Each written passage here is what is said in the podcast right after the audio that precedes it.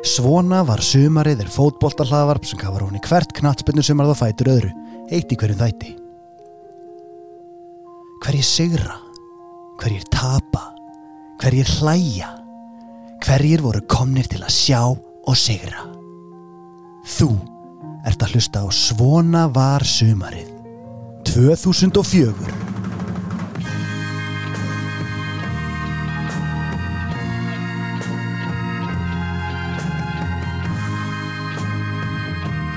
2004, við hefum ekki tíma alltaf að hlusta lengur til lagblæsa Nei, já, get to it. Það er bara alltaf mikið sem við þurfum að fara yfir hérna. Sko, byrjum bara á uh, Kerjumundar hattastað, leiðrættingahotni það eru þetta í bóði túle og við þurfum auðvitað að leiðrætta hluti hérna. Uh, til þess erum við komnir.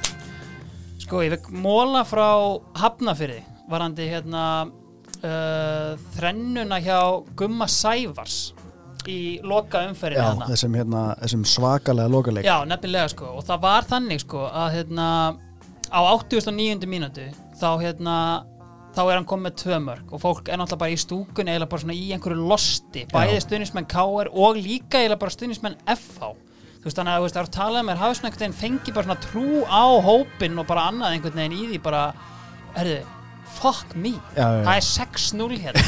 Og enn eftir að bætast í.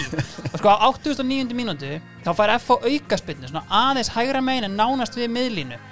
Og, og veist, eins og Gaurin segir hérna Sveitn Arnarsson, eh, mikill F-fangur sko, leikurinn er þetta farin að leysast upp í vittleysi og Gummi stendur svona yfir boltanum eins og sé að fara að taka aukaspinnu og Jón Gasgrímur, hann er á þessum tímapunkti búin að meiðast illa og setur upp í stúku, búin að taka einhver 2-3 sæti að þinn er í gifsi en er gargandi hann inn á öllin okkar. Og hann gargar bara Gummi! Og Gummi bara snýr sér við bara, Jónsi drullarinn í teg mann anskoti hann fór bara inn í teg og skoraði. Þetta var bara ekkert eðlilega hérna, þú veist, tákrænt bara fyrir framhaldi herru, ég fekk annan móla og hann kom úr Keflavík uh, nafnlega ábending og fullt af mólum það og sko það er eitt sem ég hef glemt að taka fram og miljón manns hafa sagt mér við sögðum hérna fyrir einhverju síðan að Pétur Björn Jónsson Já. gett ekki meistari sem að leiði fylgismennum að dreyma út í Pólandi Já, Ég sagði einhvern tíma að þetta væri norðanmaður, hann er auðvitað ekkert norðanmaður. Ok. hann, hérna, hann var bara í hérna, káa og liftri og eitthvað en, en hann er reykvingingur hann fann sig fyrir norðan. Já, hann fann sig gjössanlega sko. Og það sem meira er sko að hann er fram svona, þú veist, hvað ég að segja? Uh, veist, hann er son of a legend club legend, pappans er sem sagt var Jón Pétursson og hann var sagt hafsend með uh, Martini Gersinni Já, títt nefndum. Já, og saman náttúrulega eru þeir sinirnir þá Pétur Martins og Pétur Björn Jónsson Vá. Þannig að, svo það sé á Eftir hreinu Pétri Ormslef. Já, einmitt ég er ánæður að við séum að fá svona áttagamóla. Já, veist, ég, við bara, að ég vil miklu fleira svona Já. veist, Bara algjörlega bara jartengja okkur. Síðan var eitt sem ég fekk hérna í þessum sama móla frá Keflæk og það tengdist sölunni á Hjálmari Jóns til hérna EFK Gautaborg sko. Ok. þegar hann var seldur þá var gerður bara einhver bílaðu samningur sem var svona rullandi klásúla sem sagt, Keflæk fær einhverja greiðslu fyrst síðan fær hann greiðslu eftir, fáði greiðslu eftir 10 leiki 20 leiki, Já, 30 já. leiki gæin var þarna í 20 ári eitthvað, sko. og þetta var sérst þannig bara, og hún fer alltaf hækkandi að því þessi leikindur eru dýl. sko, hann mætir hérna út og bara um leið og hann er lendur þá meiðist hægri bakur í Gautaborgar og hann er bara komin beint inn í liðið. Og þetta verður þess að þannig að Gautaborg er eiginlega hættir að spila honum á okkur tímapunkti út af þessari klásúlu. Bara já, já, bara, síðan kemur það þannig að hérna, þetta enda bara með því að það bara, stjórnarmenn Gautaborgar fljúa til Keflavíkur til að bara, herðu, ok Hjálmar er kongurinn, við þurfum hann en þetta gengur ekki, bara, úst, og einhver bara úst, ein summa, bara, Já, já, já. cancelum þetta röst Já, hérna, við sko ætlum að fá borgið upp. Já, og gengur bara frá þessu og endaði náttúrulega að spila einhverja 200 leiki hérna, algjör legend Herru, það sem við hefum mestan áhuga á hérna, það eru auðvitað viður nefni og hérna Ok. gælunöfn, Já. nickname og ég hef oft pælt í sem sagt, nicknameinu Malarkitti Já. uh, og hérna Hver, þú, voru að fræða mig, hver er það aftur? Kristinn Guðbrandsson uh, fyrir miðjumæður og Keflavíkur. hafsend Keflavíkur. Já, já, og já, ég heldur endur að þetta sé komið að því að hann var svo grófur á möl. Já. og, ok, en allan, hann fær þetta náttúrulega nickname Malarkitti og sem sagt uh, uh, sko, hann segir hérna þeir voru í einhverju ferð í uh, London. Og hérna, þetta hafi verið eitthvað tímabil fyrir sagt, sko, frekar en æfingaferð. Þetta var bara eitthvað ferð. Já, þá farið á jammið og haldið var á diskotek þar sem að var auglistu skemmtikrafturinn DJ Kitty Jensen. Og síðan í kjölfarið er í rauninni Kitty aldrei kallaði neitt annað en Kitty Jensen sem styttist síðan yfir í Jensen og í dag eru til ákveðnir menn sem kalla hann bara Jenny. Ég elska svona afleiðu nicknames. Já, það er bara ekkert betra. Og sko hérna, síðan, úst, ef við höldum bara til haga fleiri nicknames, sko ég nefnilega hérna, Já. fann ákveðin móla ég var að, ég hafði sambandi mann og, og hann segir mér sérst og fyrir að tala við mig um hambúrgara villi og Ok.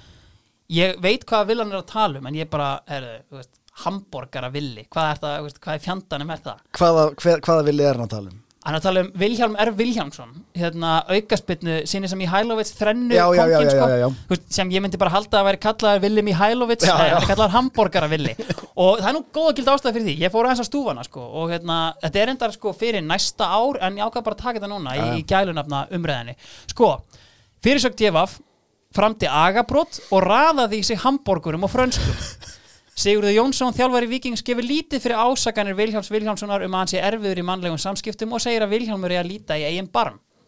Sko, og það er sérst, forsan er svo að það er búið að rifta samningi við Villa og Villi mætti í fjölmiðla og bara hvað fokkin rögglega gangi, Siggi er svo fokkin bilaður. Siggi kom bara að fjöllum, býtu, ha, er ég bilaður?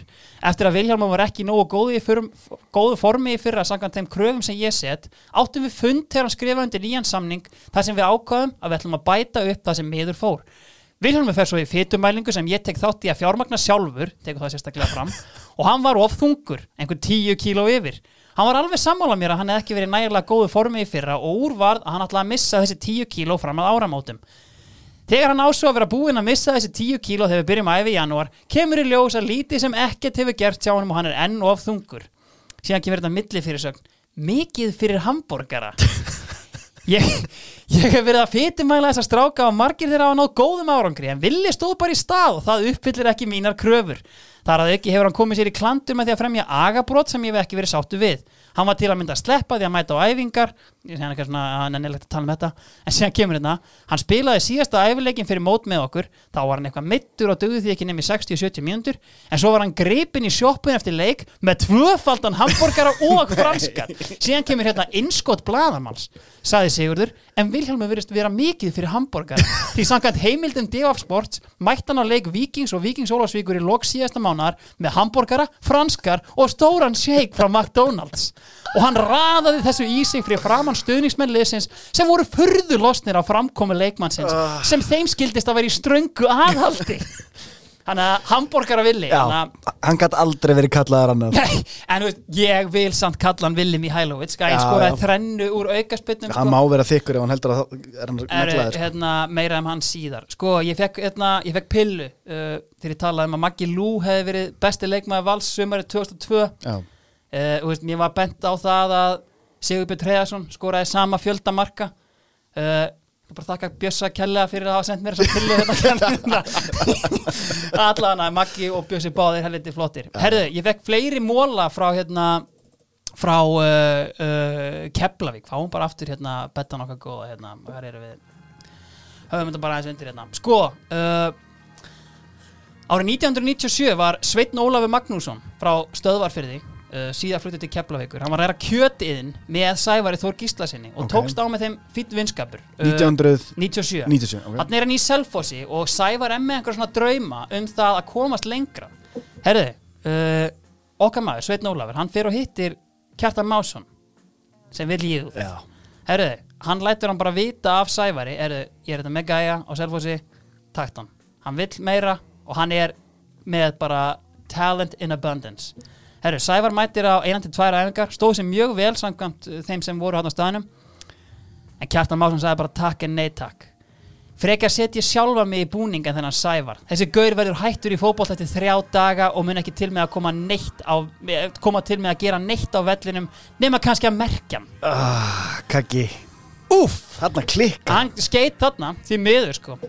Herru, uh, ég sjá herru, fréttaréttir okkar uh, fyrir norðan. Uh, sköllótti Suðurlands skjálta skelvis skrýpendin Páll E. Guðmundsson bókinni fundin. Ok, Hún er Fannst á hún fyrir norðan? Já, já, hún er á Amtsbókasafni Akureyrar. Ég fréttarítarinn sendi okkur nokkra velvalda kabla og vá. Ég er að skoða að gera mér ferð og gera Amtsbókasafninu tilbóð sem þeir einfallega get ekki Já, hafnað en ég meina hún verður náttúrulega í útláni núna bara eftir að þessi þáttu kemur út Algjörlega, en, en veist, ég mun bara veist, ég mun gera þeim svona EFK Gautaborg tilbóð og veist, þeir mun ekki geta sagt nei Eða ekki bara þetta upp. þegar ég mæti hann sko. Herru, ég fekk annan móla úr hérna frá því þegar eigamenn fólk Já, þú veist, við, eins og ég sagði, ég hafði engan tíma fyrir Nei. eitthvað chit-chat. Þegar eigamenn gáfu skagamönnum bólina þarna 2001 Já, já, mætti yfir og gáðum kókbólinu Já, það var ekki það eina sem eigamenn gáfu þeim. Þeir voru búinir að kaupa endalaust af áfengi fyrir eitthvað lokahóf sem engin stemming var fyrir. Það gáðu þeim allan bjórn hlinur Já, ég bara, þú veist, sko, eitt Ha? er að halda ekki í lokahóf en sko, þú veist, núna hef ég Já, til þú dæmis þekki það. Já, en þú veist, hérna Já, já, en hérna, sko uh, Þú getur, sko, veist, sko, ef það er eitthvað sem ég hef lært á því að vera í íþróttum Já, þá getur þú fagnað sigurum og þú getur drekt sorgum. Já, Þetta er einhver glórlausasta ákvörun og ég get alveg sagt, ég, veist, ég efast einhvern veginn um það að menn eins og Ingi Sig uh, hvað, Birki Kristins þessi menn hafa ekkert tekið sérstaklega vel í herru, það er búið að senda bjórin bjórin á leiðinu på Skaga. Ég, ég heit ekki skilin Eitthvað svona múf Nei, Ég herru, kaupi ykkar eigin bjóri Þetta að spila svona við höfum efasemtur um hann að staðin Sjalimar um að það Já, hefur ég, verið uh, já, ég hafði þessum Já. Þú vildi meina að þetta væri eitthvað. Lokahóf íþróttamóts uh, hiphopsins, það var auðvitað haldið á Sjalimar Í alvöru, Já, já, þetta er bara, þetta er legit. Matur og drikkur Mhm. Ekki. Herru, ég er búin að ljúka mér af hérna, varst þú með eitthvað það? Já, ég fekk hérna Jésús, ok. Ég, Já, þetta er nóga þessu. Ég fekk skemmtilega mála Já, Af því að við vorum að tala um hérna Við vorum að tala um úslitakeppnina í þriðutöldinni 2003 við vorum að tala um hana, já, einmitt. Það sem að hérna, leiknir rústöðurillin sinum og mættu svo fjárðabyggð Já, lendur þrjónu, lendur henni fjögur þrjú. Nákvæmlega. Já, Mólin er svona. Uh, maður stóð, er buksi eitthvað innvolverið Nei, engin bjöksi Ok, og það er eins að halla til flatt bara. Okkar maður, Garðakunnar Ásgeirsson. Ok, Sonur, Ásgeir, skorprinsinn Já, Ásgeir takk. Hann var aðstöðþjálfari hjá Magnús Einarsinni Pappa, Elvar Skeis takk. Uh, Það eru tvei leikir eftir riðlinum og leiknum búin á rústunum og þeirra fara í úrslutakeppnina og gæi tekur eftir að það sé fjóri leikilmenn einu gulu spjaldi frá Banni, Tvei leikir eftir þannig að hann svona, heyrðu, Mourinho, let's do this. Uh, hann er samt ekki meira kokki en það að hann heyrir í KSI veist, er ekki örugt að það verður agafundur veist, á þessum þriðuti Já. þetta, virkar, veist, hann er eiginlega kjaftar frá hvað hann ætlar að gera? ætlar að gera. En ég held að hann hljóti nú að hafa verið svolítið hérna lúmskur þegar hann er að spyrja þessar spurningar. Mhm. og hann fær þetta staðfest bara við, við, við erum alltaf að fara hringin eftir þessari skýslu ef hann verður ekki kominn og það verður ekkert mál. Ok, þeir græja þetta, fjögulspjöld í sama leiknum? Samanleiknum, bara besta mál, professional. Uh, svo kemur þriðdagur og það er bara engin skýsla, ekki neitt.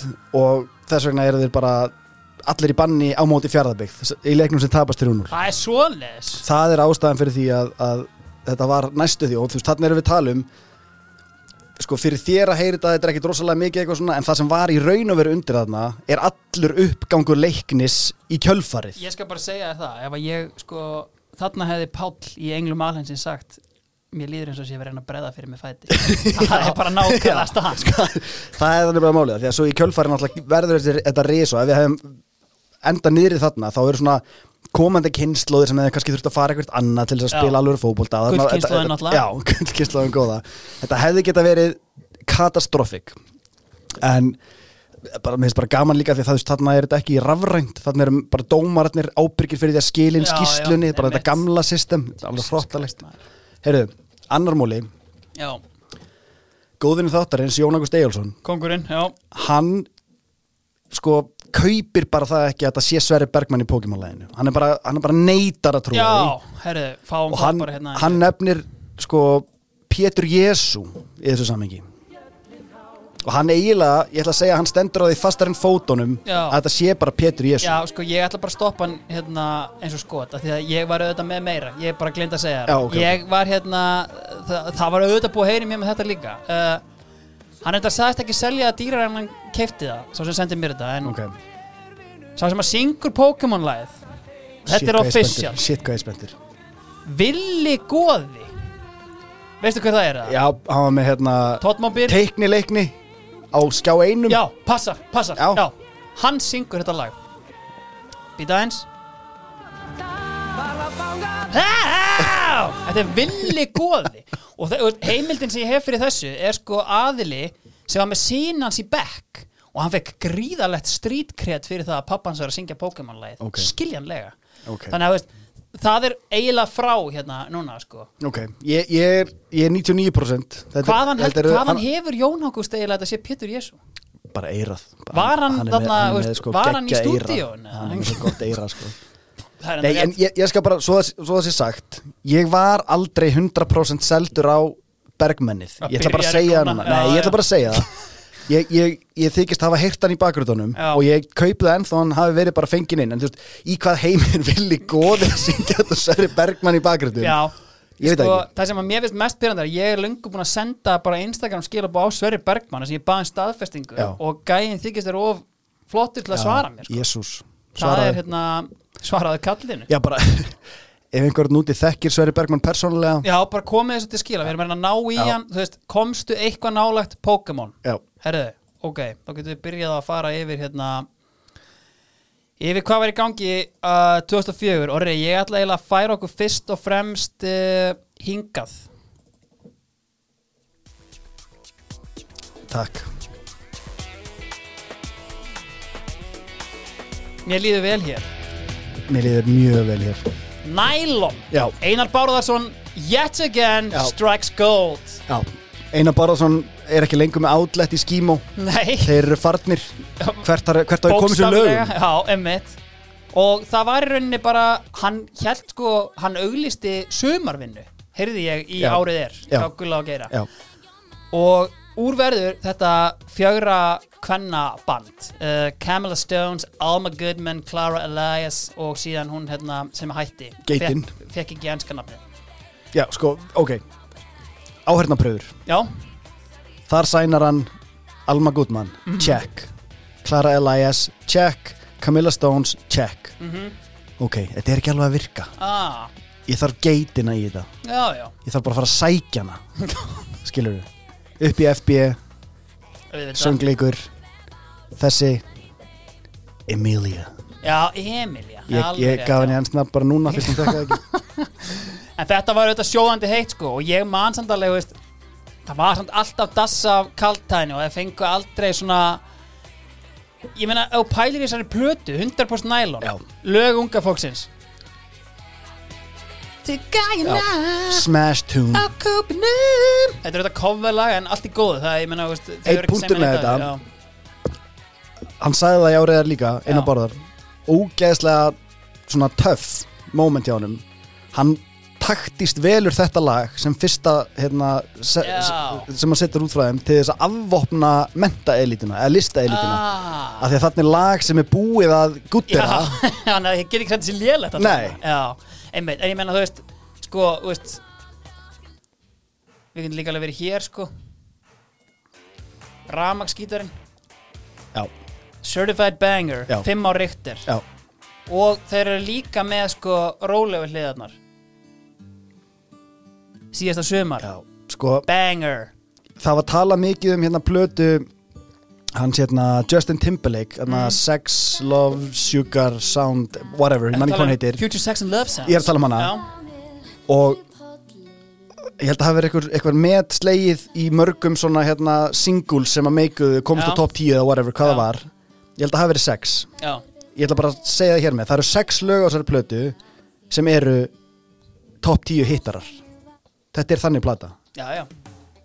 Allstaðar já, ég meina, þannig ertu komið með sko 100% Einar Bárðarsson vintage skítamoralslag í kvennabúning. Gítarinn sko hérna Já. Já Já, þú veist, þetta er, þetta er Addi Fannar, og, Já, hann er potið að spila já það hlýtur eiginlega að vera sko. Og þú veist, þetta fekk ekki þessa virðingu sem átti skila á þessum tíma. Ég ætla bara að veita en það núna. Já. Þú veist, bara 100% Þetta er geðveik plata Og bara takk Já. fyrir ykkar framlag Já, eitt samt sem er leiðilegt við þetta að sko að því varst að segja að þetta er sumarvinna einhvern veginn Já. og ég held að það hafi verið svolítið væpið og það gerði þeim svolítið erfitt fyrir Já. að því að hann er að reyna að fylla inn í sko hann lísti ég mitt í þessum, í þessum saman þætti þetta er mjög merkilegt viðtal og náttúrulega þegar ég að hlusta á árið er bara hérna, religiously, þetta er Gulli og geðu ekki Geiri, þættir já.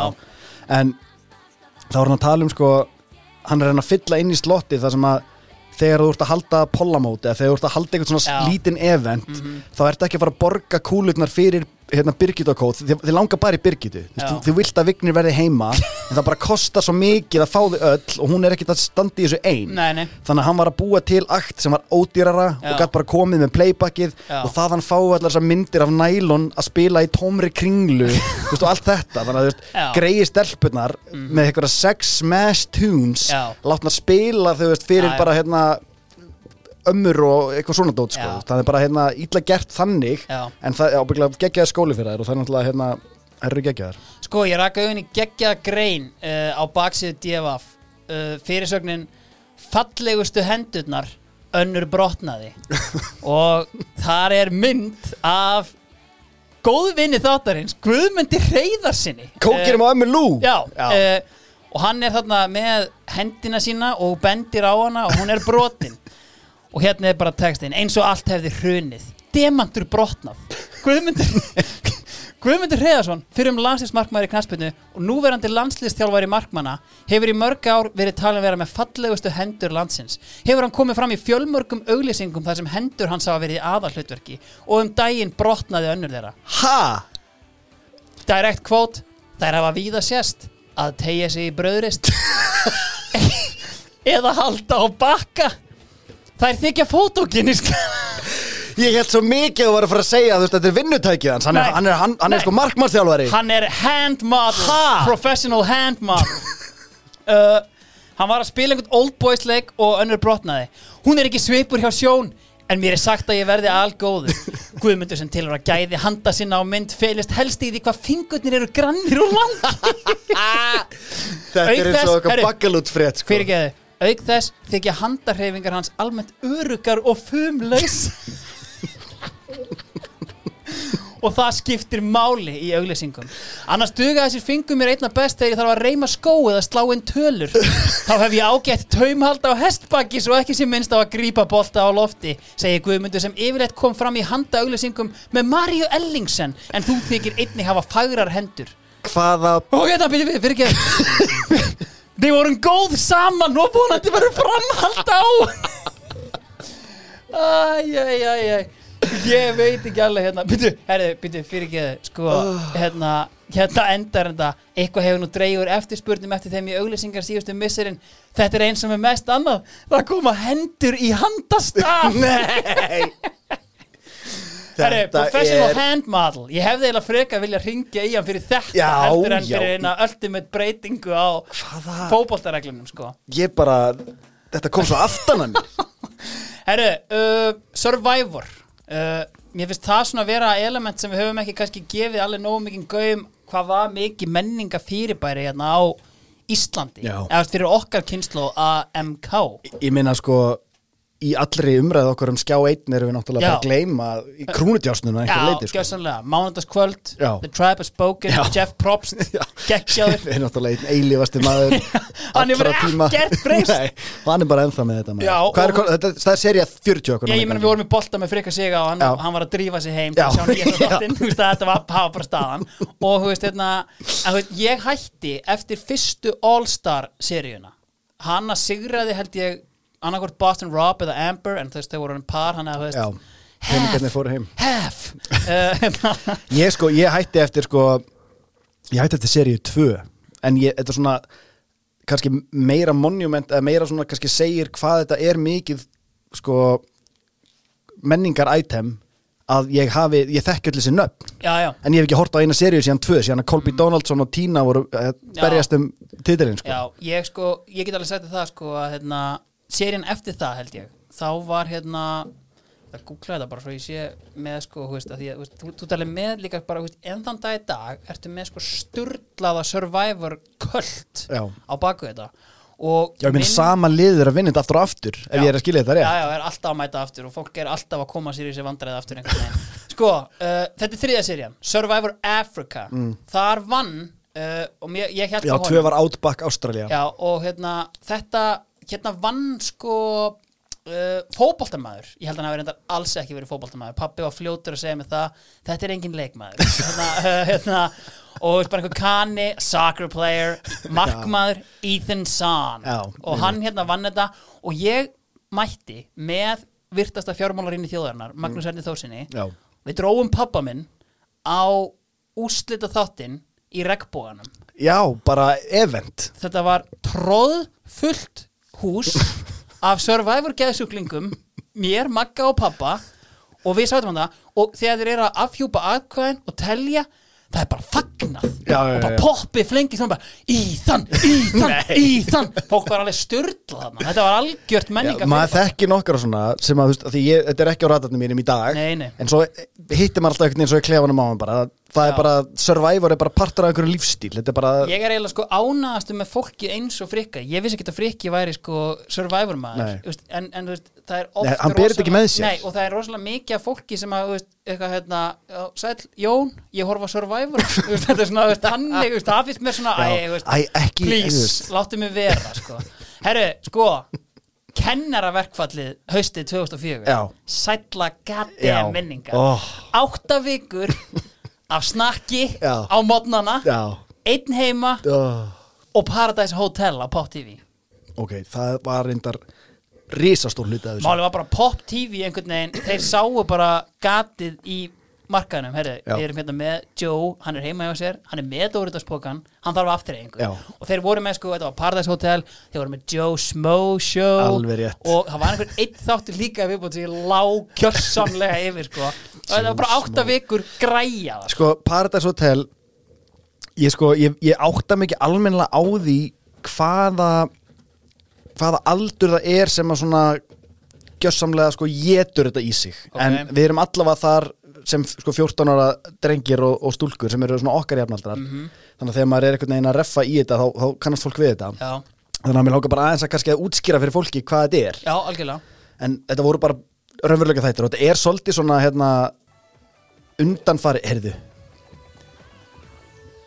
Two Tickets to Paradise. Já, þetta var theme songið sko. Eh, þetta er, þetta er svona undanfari Love Island og þessar þáttar sem verða síðan stærri þú veist, ég held að þetta hafi eitthvað að vera byrjað þarna en Bo Wolf sko Ég er hérna að já, Dave þetta fá introið? Sko, ok, það þarf náttúrulega að fara yfir það að þarna erum við með Já, hópa fólki sem að kemur hérna hérna x margi kallar, x marga konur það er svona matchar allt. Svo er alltaf hent einum inn í þetta og þetta er Já. allt náttúrulega ógeðslega fallegt fólk sem er að koma að taka þátt í þessu Já. og þau eru öll hérna á okkur hóteli út, út í hérna ykkur paradís. Já, já. Og leikurinn snýst um það að para sér saman og sá sem næri ekki para sér saman þetta er bara stóla leikurinn Basically, já, nema í, í, í svona spilaður viku fyrir viku. Einmitt. Og þetta er bara eins og Survivor hvað það varðar að þú ert að make ykkur alliances og eitthvað svona dót. En aðilatnir sem voru þarna eins og til dæmis Bóvúlf sem er ykkur mesti jokksögunar Já. þú ert með hérna gæði sem heitir Scott sem að lítur út eins og Choco Tom Hanks. Já, og svo ertu með hérna Zack og Keith sem að lítur út eins og svona gríst guð þarna Já. eitthvað svona vel grískur sko. Já, já og einhverjar tuttaskvísur, einhverjar Tony Ferrari sem var svona dildar meiningar um hvort að sé einhver tuttaskvísa eða ekki en tutti er hún af því að hún leti sér heyra Já, já. og Amy sem að hún og Zack voru mjög fljóta að mynda alliance Já, og já. þau byrjuðu bara saman í fyrsta þætti eða eitthvað. Og það hjælt, þanga til að hjælt ekki lengur og Já, það var náttúrulega rosalegt já, en svo eftir held ég þrjá eða fjóra þætti þá alltaf einhver hérna, sem er reikin heim og þá kemur alltaf einhver í staðin í fyrstu þáttunum áður en það fer svona að rjáttlast úr hópnum og svona, og svo Þetta náttúrulega voru samt sko í alvörinni Ég meina, þetta eru átta vikur Þetta var non-stop Þetta, hafa, og, þetta var ekki bara einn þáttur svo pása Þeir síndu svona þrjá þætti í röð Já.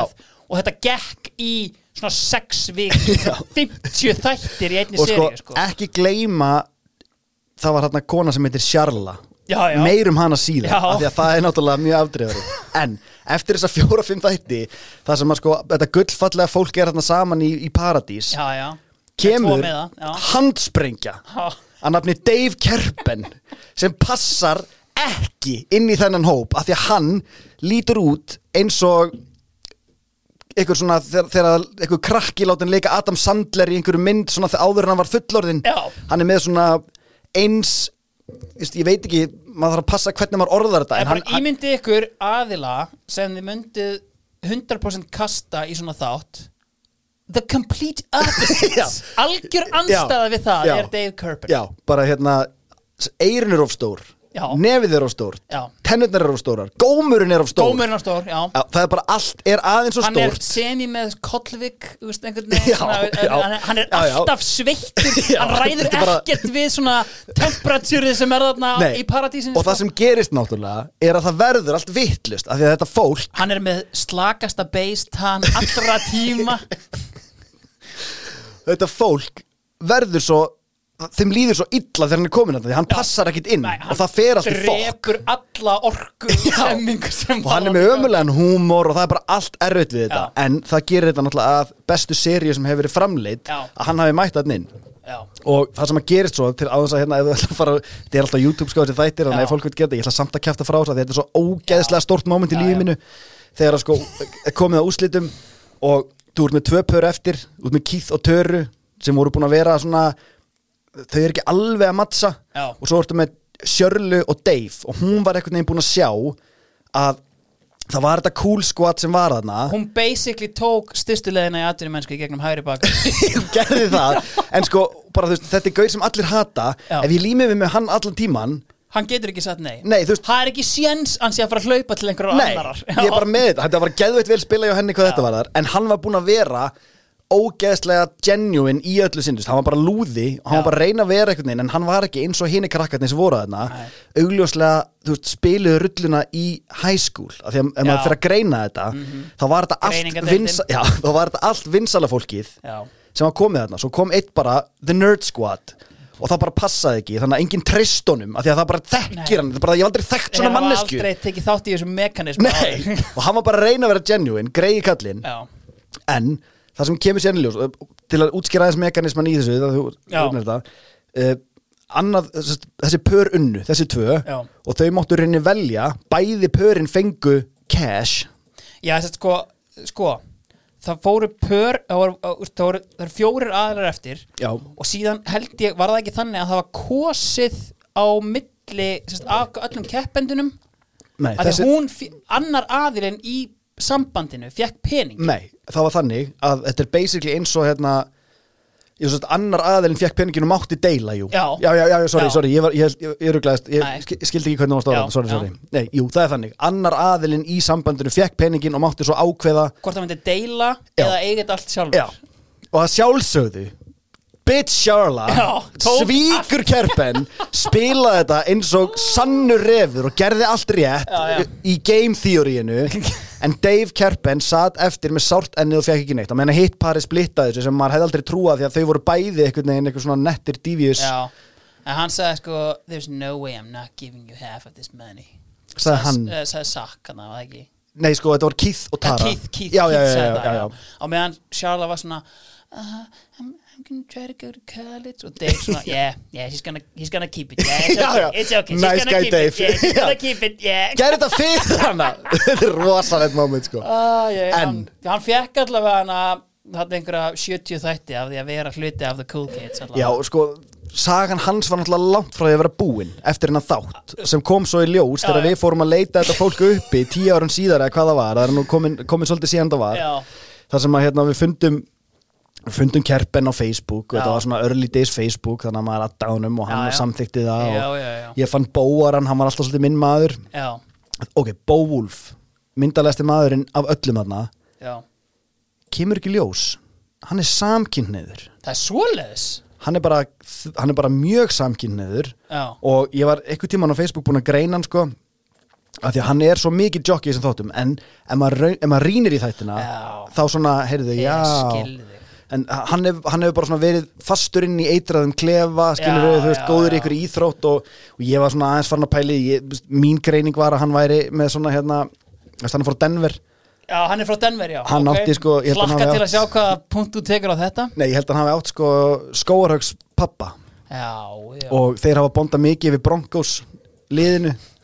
Og, og svona hans leið til þess að fá ást föður síns hefur verið í gegnum íþróttir Bíddu, og þannig ekki- svona fer hann inn í jockmenninguna sko. Er ekki körpurinn líka frá Denver, sko, ég er ennþá með, bara fyrir áhersum ég er ennþá með Dave Körpen á Facebook. Sorry, hann er New Yorker hann er, hann er, hann er Mets hann, hann er náttúrulega augljóslega af geðingaættum sko máli er að á þessum tíma þegar við öllum öllu þessu lið á Facebook og hérna og just, ég var samt alltaf mest í Dave maðurinn uh, og Já. hérna og Dave var ofta popp upp á Messenger, þú veist, who are you og ég ætla bara, Dave one of your biggest fans og, ég sé sko að hérna, hann er búinn að henda út þeim sem voru alltaf mutual friends á sínum tíma ég fekk að lifa Þar á meðal mér, sko. já, já. Já. ég fekk að lifa hann inni sko. og það var einhver svona, að hann var bara þú veist, yeah, I'm just checking out on my eitthvað, friends, Já. who are you af því að ég var alltaf að kommenta eitthvað hjá ég honum var lörker sko ég, ég, hann hefur ekki fílað lörker en um Dave Já. bara svona til þess að hérna, fólk sé ekki endalust að svona vorkina Dave. Já, og slúta þessari umræðu. Já, út af þessari mjög lengu umræðu. Það sem að hann varð er síðan bara, hann á allt of mikinn penning hann, hann bjóð til fyrirtæki sem heitir Likeable Media og hann var snemma inn í Facebook kreðsunni. Já, hann giftist konu, Caroline Fisher Carrie Fisher if you will, geðveikt. Nefisir, Kari Körpen í dag. Já, já, þetta sem að var að vinna, hún var sko var næstraðandi hjá Facebook á tíðumbilið eitthvað Já, líka. ok. hún var bara alltaf með Sökkuberg og Sökkuberg er sko taggaður í myndu með Dave í partíum og svona, það sem að þeir eru bara fellar og hann hengi sig á Facebook searchið upp á við og með sitt likeable media sem er einhvern veginn svona eitthvað semi-addon, eitthvað svona þú veist, hvernig átt að gróa business sitt innan Facebook hann er gett snemma á þeim vagnni Já. þannig að gæin er núna bara keynote speaker bara, veist, er bara myndir með Obama stemning sko bara vinsamlegast ekki hafa áhyggjur á honum sko. Bara engar. Nei, hann er í geggið Já. heimi herru uh, meira, sko, Changing of the Guards semi hérna uh, það byrtist frétt hérna í uh, Devaf sko Pokémon heyri sögunni til. Ha, Yu-Gi-Oh! Tekur yfir. ok Hérna munar kannski þessu eina ári en ég var punktjúpur í Yu-Gi-Oh! Og náttúrulega auðvitað, þetta eru stöð tvö þættir. Já, þú Er ert það náttúrulega, ekki- þú ert markópurinn Já, og ég sko, þú veist Ég datt inn í þetta stundum en ég skildi aldrei og ég vil, kannski fínt að ég nýti þetta tækifæri til þess að þú útskýrra hans fyrir mér. Ég á náttúrulega lúðavinn Brynjólf Stefánsson, kongin í plastinu. Plastplan, engin lúði. takk. ég, ég, sko, Mesti lúði Já, jú, það er sem- rétt hjá þér. veist, Hann er sko yfir þú veist, Ímyndaði svona alla svona, veist, a- anime serjur, svona eitthvað, hann er með þær á lási Ímyndaði þér öll svona alla spilaleiki og eitthvað svona, Já. hann er með það á lási Já. Auðvitað átti hann Yu-Gi-Oh! deck sem að einmitt Já, þetta var foreldrar- þess spil eins já, og og þetta, þetta var legit spil þú veist, ég meina Pokémon var bara eitthvað þú veist, hérna, hendi Pikachu fram Ramagn 75 já, Já, eitthvað veist, en, en veist, þetta var svona pæling það voru veist trap cards, I'll lay one card face down Já, en þú veist, síðan var alltaf Yu-Gi-Oh! var alltaf með það einhvern veginn bak við eirað að þú veist hann var alltaf sko Avans var svona hérna hans mentor og svona og hann saði bara alltaf sama hvað, believe in the heart of the cards. Og en þú veist spoiler alert fyrir hvert einasta þátt. Yu-Gi-Oh! lendir í einvíi alltaf og þetta endar alltaf á því að hann er með but you didn't see my trap card Já, já, já. which unleashes the blue eyes white dragon.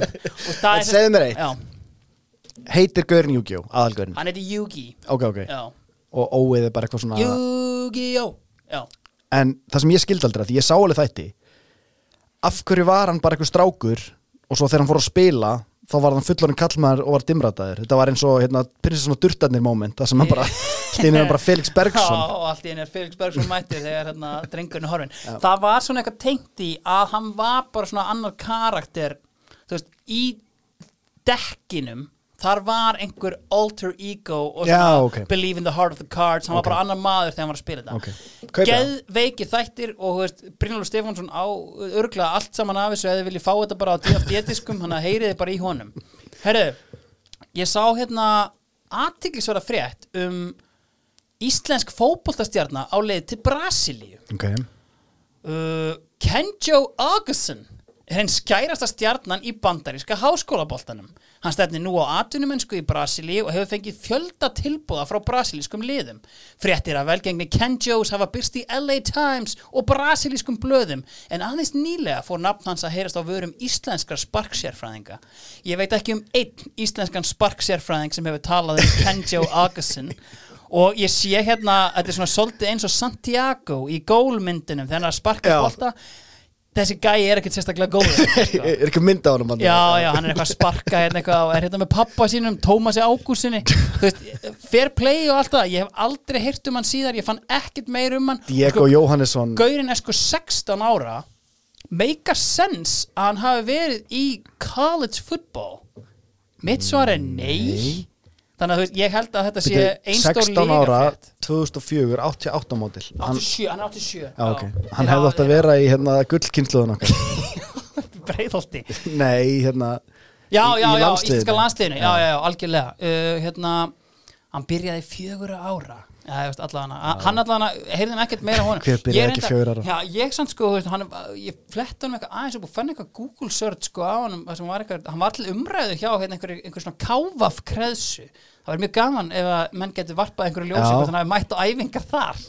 Herði, allavega hana uh, 2004 eru þetta tónleika árið mikla uh, fyrir menn eins og okkur sem að erum svona að vaks úr grasi Já, og hérna og þú veist það eru, sko fyrir mér byrjar þetta í mæ 2004 þegar Korn mæta inn í lögatarsöld já það eru fyrstu tónleika bara sem ég fer á sem er eitthvað svona legit tónleikar Er það Y'all Wanna Single hérna Say fuck that, já, Já, er það komið þannig? Já. Já, lokalæð á tónleikunum. Já ok, Uh, di-di-di-di. Blind var uppáðsleið Já, sko, mér langaði mjög mikið á þessu tónleika, ég fór ekki. Mm. Ég ætla að sko, ég, þeir, þeir fóru yfir þetta og kölluðu þetta með þess að þetta í, í þættinum. Tónleika árið mikla. Já, hérna bara árið er. Þeir voru bara hérna nefna þetta. Þannig að mér langar bara að lesa upp listan af þeim sem komu hérna. Já, Og ég væri til að heyra síðan hvað af þessu þú sást. Ok, veist, það verður fljótt gert en ok, já, Já, ok, flott búin að segja hvað þú sást. Nei, ekki alveg, en ok. Sko, ég var búin að gleyma svo mörgum af þessu ok, nefnilega. Þetta er náttúrulega það stóra, fyrir mér allavega Metallica, ég var að sjálfsögðu þar, já, já, Placebo.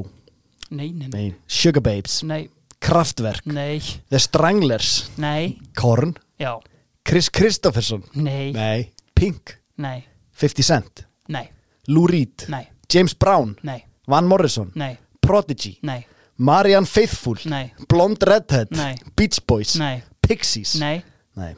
Þið vantar eitt þarna Í alvörinni Scooter! Var það líka tjóð? Já. Var það ekki árið áður? Og komið aftur?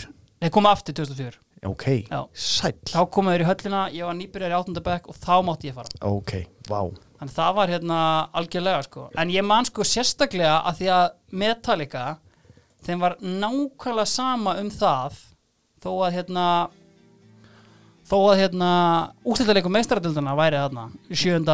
Var það sama? Sama kvöld Ok. Þannig að ég man sko ég ég fóð með hérna mönnum úr hlýðaskóla og hérna Arnarsett Geirsson tók einhver svona algjöra uppgerð þegar hann komst að því að hérna, grikkirnir hefði unni og, veist, Já, nánast- úslita leikur EM sagði meistaradildin Já. já, EM, Já, já. EM hann tók svona einhverja algjöra svona uppgerðum bara og eins og það hefði eðilagt fyrir hann bara tónleikan að að hann hefði frétt að grikkir hefðu unnið EM. En það var góð stemming ég var líka sko það sem að hérna ég er auðvitað kókupáks og stöðtöðu krakki. Já, já. og ég var líka A-svæði á Metallica krakki. Allir gómatnir á B-svæðinu ég einn á A-svæðinu.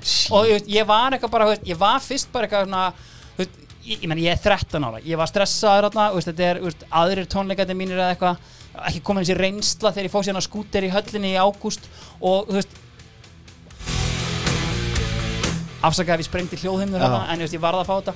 Sko, veist, ég byrjaði bara er, ég verð bara með þeim veist, að því að pappi hafi bara keipt með það ég bara, aðsvæði, takk. Hérna, en ég bara, ok, ég verð bara með þeim þegar ég var að sig síðan stendi ég þarna bara með þessa góma miða á monkey class og ég bara, heyrði, þú veist á ég ekki allavega að tjekka hvað er í gangi á aðsvæði ég, kem svo að segja ykkur frá því. Ég kem á eftir ég kom aldrei aftur. Fann þarna fórumann Rafi þróttasamtökuna Ólaf Rapp Steinarsson og við kláruðum þessa tónleika bara Mikill saman með reyndar líka, fyrst ég er að neymdropa hérna uh, Foster og Smitten þannig að við kláruðum þessa tónleika saman Davíð. Símonarsson Vá. Herru, uh, höfum við saman betta bara hérna aðeins áfram. Sko, þú veist Uh, þingmenn ungu kynnslóðarinnar uh, það var helviti skemmtilegur listi það eru náttúrulega bara þingmenni sem eru hérna í dag. Uh, yngsti miðaldra maður landsins Birgir Ármannsson. Uh, spot on. Þingflokksformaður alla tíð. Og bara hérna dettur inn á miðnætti, eða löngu eftir miðnætti. Herru, síðan er sko hérna Bjarni Ben krónprinsinn mætti vera graðari hann, Ha? bæ, hann bætti úr því? Heldur betur Hann hefur lesið þetta bara, Síðan já, ég þarf aðeins að taka til í síðan ímyndinu er þetta algjörlega spot on veist, ég meina Sigur Kári, hann reyndar klukkaði sér fljótt út frá þessu sko. Uh, Katrin Júl, Guðlaugur Þór þetta er alltaf uppleið hérna hjá þessum meisturum sko. Herru, við erum samt líka með sko að því að það var stór móli sem að Sesson Kraftbar vildi fara yfir. Ok. ekki jamtengt, að því Ási hann hefur líka gaman að hendalegi pubquiz á Sesson Kraftbar, Já. það er mikill svona spurningagómur og ásatlákan bara flæðir um allt stræti, Já, já. mikil er hlaupahópurinn hann er að dæla svona úr herbygginu sínu ég fer hann reglulega Já. besti staður í heimi Já. sko uh, sem mikill getur betur maður það verður þetta gríðarlegt þáttaskil þegar hérna uh, MR tapar sinni fyrstu keppni 2004 Já, þið voru bara búin að eiga þetta. Changing of the Ah, Guards. Takk. Sko, þeir höfðu daðrað við að vera ekki óstöðvandi að nokkrum árum áður í úslitum móti Borgó þar sem að þeir fóru í bráðabanna Borgó jafnaði þetta með vísmendingarspurningunni þú mást alveg eftir þessu þrjú stig, kláruðu það. Já, já, en þú veist, kláruðu þá, þá var maður bara ætlar þetta engan enda taka? Einstígur Steinþór Helgi Arnsteinsson Ah. vopnaður tveimur örðum njöðrum hérna, njörðum hann úr borgarhaldsskóla og mér finnst svo geggjað einhvern veginn að borgarhaldsskóli sem er nú kannski ekkert eitthvað hæst skrifað í mentaskóli landsins Nei, og ekki með mikla því Þetta snýst svo mikið um eitthvað svona menningu Já, að sko. Borgó hefur alltaf verið eitthvað svona gettu betur geggjað dæmi Er það ekki bara síðan þarna eða? Byrjaði þarna árinu áður eða nokkrum árum Já, áður sko. er ekki hægt að Steinþór segja er bara- ekki frumkvöð þeir áttu þetta Ekki? þryggja manna Nú, lið. ok. þeir áttu þryggja manna lið sem ég held að Steinþór hef ekki verið í. Það var þarna lítill grannur ljósarðu gæði fyrir miðinni sem hyrðir þarna síðustu vísbendingarspurninguna þrjú stig, Já. jafnar leikin og fer með þetta í bráðabanna Já, og hérna ekkert eðlilega hérna, við minnir sko að sigur svarið hafi verið Surinam það ár allavega. En allavega Borgó klárar MR þarna og veist, ég man sko alltaf eftir því að hérna góðvinur okkar uh, hérna, ekki góðvinur okkar en þú þekkir hann, hann hérna Snæbjörn uh, já Guðmundsson bræðurnir áttu náttúrulega Sverrir, Þeir, þeir Sverrir, var, eru Sverrir er náttúrulega geitaðist þetta í mörg ár sko. já, já. en síðan tekur bróður hans við uh, hérna, og hann er búinn að vinna þetta. Hann er hérna komin núna í miðju hlutverkið og veist, hann koksar því miður. Og hann, hann tók ræðina sko með hérna sko with great power comes great responsibility Ó. það er eins gott að drullislega vinna þetta Já. sem þeir gerðu ekki þeir töpuðu ústita leiknum fyrir Bitni Braga og félögum í Vestlunarskóla Íslands Kaupanöf. Brussel, Amsterdam Rétt! Og allt tryggist og Vestlunarskólinn tryggir sér þarna sinn fyrsta titil í sögunni, ógleymanlega Já. sem var náttúrulega ekki síðan rifið síðan 17 árum síðar núna þauks ég Kults Army. Takk fyrir það rétt. Herru, ég er svolítið búinn sko. Uh, hérna uh, loksins, Já. uh, ert þú ekki með eitthvað? Jú, jú. Það er eins gott að hlustendur halli bara undir flatt, takk sér góðan tíma því að það er nóg að fara yfir, við erum að létta af okkur bara hérna og klára Já. ákveðin mál. Við náttúrulega rættum það fyrir, fyrir, hérna, fyrir upptökur að við værum sennilega að fara að rífa klukkutímamúrin í tíðarandanum sko. Þetta er bara einhvern veginn, það er sumt sem við erum búin að vera að geima Já. frá árunum áður og eitthvað svona, við ætlum bara að klára þetta mm clean slate næst. Ég ætla bara að halda áfram með smá- tónlist frá tímabilinu undir. Já, Pælum ekkert í þessu en höfum þetta bara undir Stöngan með kvarasi, Sko, takk. þarna er djefað þú ert búin að vera mikið að vitna í djefað íþróttatengt, það er Óskar Hrafn að sko gera geðveika hluti. Já, halda, halda svona þeim relevant þar og með ákveðna orku. Það sem er í gangi í dje, hjá djefað bara svona almennt er þryggjamanna teimi sem engi gætt skada já. uh, tríó sem að Dominos tríóði jafnvel sko, ef þetta er ekki Dominos tríó Já, þá þetta er veit ég ekki hvað tríóið. sko. Það er klárt mál þannig erum við með í brunni Já, Gunnarsmára já, já honum til halds og trausts traust reynir traustason þetta var Til geðslega halds og klaufalegt reynir. Traustasonar, já. Rosalegur Já. og með hattinn og svo Mikael Torfason Já. vélbissu kjaftur Já, og með þessa þrjá menn í brunni já, er verið að sko það, það er engin óhulltur já í samfélaginu það er verið að stinga á öll kýli sem finnast og það er verið að kreista kýlin svo innilega fast Já. að það eft- eftir er bara sko sár í marga mánuði Já. Mhm. það sem er kreista og það er einhvern veginn svona, það er sama hvar ég dref niður í defa þetta ár forsíðan er einhver mannlegur harmleikur. Það er eitthvað hræðilegt í gangi Já, já. og þeir eru fyrstir á staðin og sko, mér langaði bara svona veist, bara að opna tímaritt.is og bara svona randomli velja bara eitthvað til þess að fara eins yfir þetta Málið var bara að við gríp fram Já. þér Þegar ég var að fara yfir þetta Því að veist, á þessum tímabilum veist, ég er að skoða þetta Ég er djöf oft megin í lífinu Þar er Óskar Ófegur, þar er Óskar Rapp Ég hef ekki tíma fyrir neitt annað. Og alltaf þegar ég fæ á tímabil.is bara forsjan Ég er bara, hæ? og bara ég verð að lesa fréttina já. Því bara, veist, hvað er í gangi hér? þeir eru sko, æsi frétta mennskan er ótrúleg og ég meina þú veist, bara random dótirna forsíðan, heyrnalist dóttir mín vill bara deyja, þú veist, þetta er bara þetta er ótrúlega, hérna af, bara svona ykt dæmi Já, já næsta, fjölskylda í skugga alnæmis Anna, veist, og það er sko, það eru margar fréttir á forsíðinu, skilur við margar fyrirsagnir önnur er bara martröð að vera tengda sonur Jóns Baldvins. Herri, Sem já, þetta einmitt er sama sá forsíðan Átni Jónsson segist vera fatlaður. Harmleikur Sri Ramavati frá Indonésiu í. Stórholt 19 þetta er bara allt svona. Já, anorexian mun drepa mig, ég er bara að fletta hérna sko, þetta er bara dag eftir dag eftir dag. Já. lokaði sig af í óreglu og einsemt Kalli Bjarni, blæs á kókainið svo er hérna ein sem er það góð að ég ætla að ramma hann inn og ég ætla að hengja hann upp heima hjá mér og ég er ekki að djóka. Hérna erum við með eina, tvær, þrjár fjórar fyrirsagnir á forsíðunni og það er ekki hægt annað heldur en að lesa blaðið í heilsinni þegar þetta eru fyrirsagnirna spjaldan á milli. Já, fyrsta. Bauð batnabatninu á klámbúlu geira. Ok, segðu mig meira. Næsta, sorry, nú þarf ég að halda feysi Ok, Nei, ég ætla að geima þessa. Uh, Næsta, hnífakonan Vill drepa sig en fær enga geðhjálp. Þetta er svo Þetta er svo alvarlegt. Já, já. Og svo er hérna görnin stitt til að grennast. Þetta er þetta geðveikt. Og svo stóra forsíðufréttin lætur taka sér tippið á Filipsegjum bara, Já, ég sá þessa frétti mitt, já þetta er svo þetta er svo gott að því liturum til að þeir eru ábyggilega sko að móka út blöðum. Já, um það sem ég hugsaði þetta eru allt saman svipar fréttir og við þekkjum í dag. Bara það sem að æsifrétta mennskan nær algleimingi og það er endalust verið með clickbaits og allt þetta.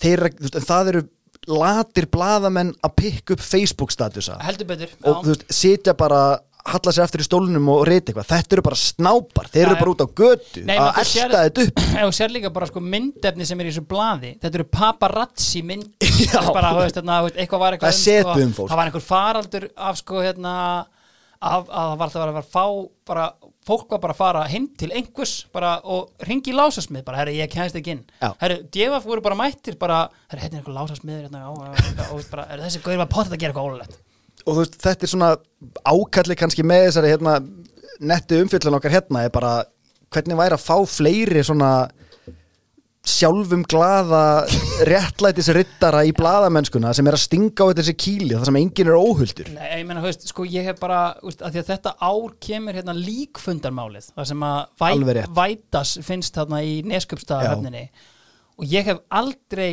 þetta er svona fyrsta fyrir mér, þetta sáma er alltaf hérna, í tengslu við Guðmundar og Geirfinnsmálið, endur upptökuna og allt þarna, Sævar Síselski með möppurnar sínar hérna í hérastómi og svona, en þú veist, fyrir mér var þetta mál bara rekið í DFF og bara fjölmiðlum alla daga. Og það var bara endalaust aðgengi að hérna, sakborningum og þú veist, ég, men, ég man bara eftir því að hafa séð einn af sakborningunum bara í Ísland í dag. Já. vera að grilla hann bara af snorra má og, og einhverjum bara, heimi kalsinni ok, þú bara segir mig það að þú hafur ekki vita neitt hvað verið í gangi þarna. Nei, nei, nei, nei, þú veist, þetta er svona, veist myndir segja að þetta væri upphafið af lögfræðingnum Jóhann Skúla Nei, ég get nú ekki sagt það Þarna kviknaði áhuginn. Nei, hann byrjaði ég þarf að setja menn á bak við lás og slá þarf að- Nei, nei, alls ekki sko, veist, það, hérna, og ég meina fleiri mál sem eru bara algjörlega reikirandi fjö, sko, einna sakbortingum átti kærustu sem var eitthvað átján ára hún er bara í hverju forsýðu viðtalum að fætur öðru bara um hvað þetta er erfitt eitthvað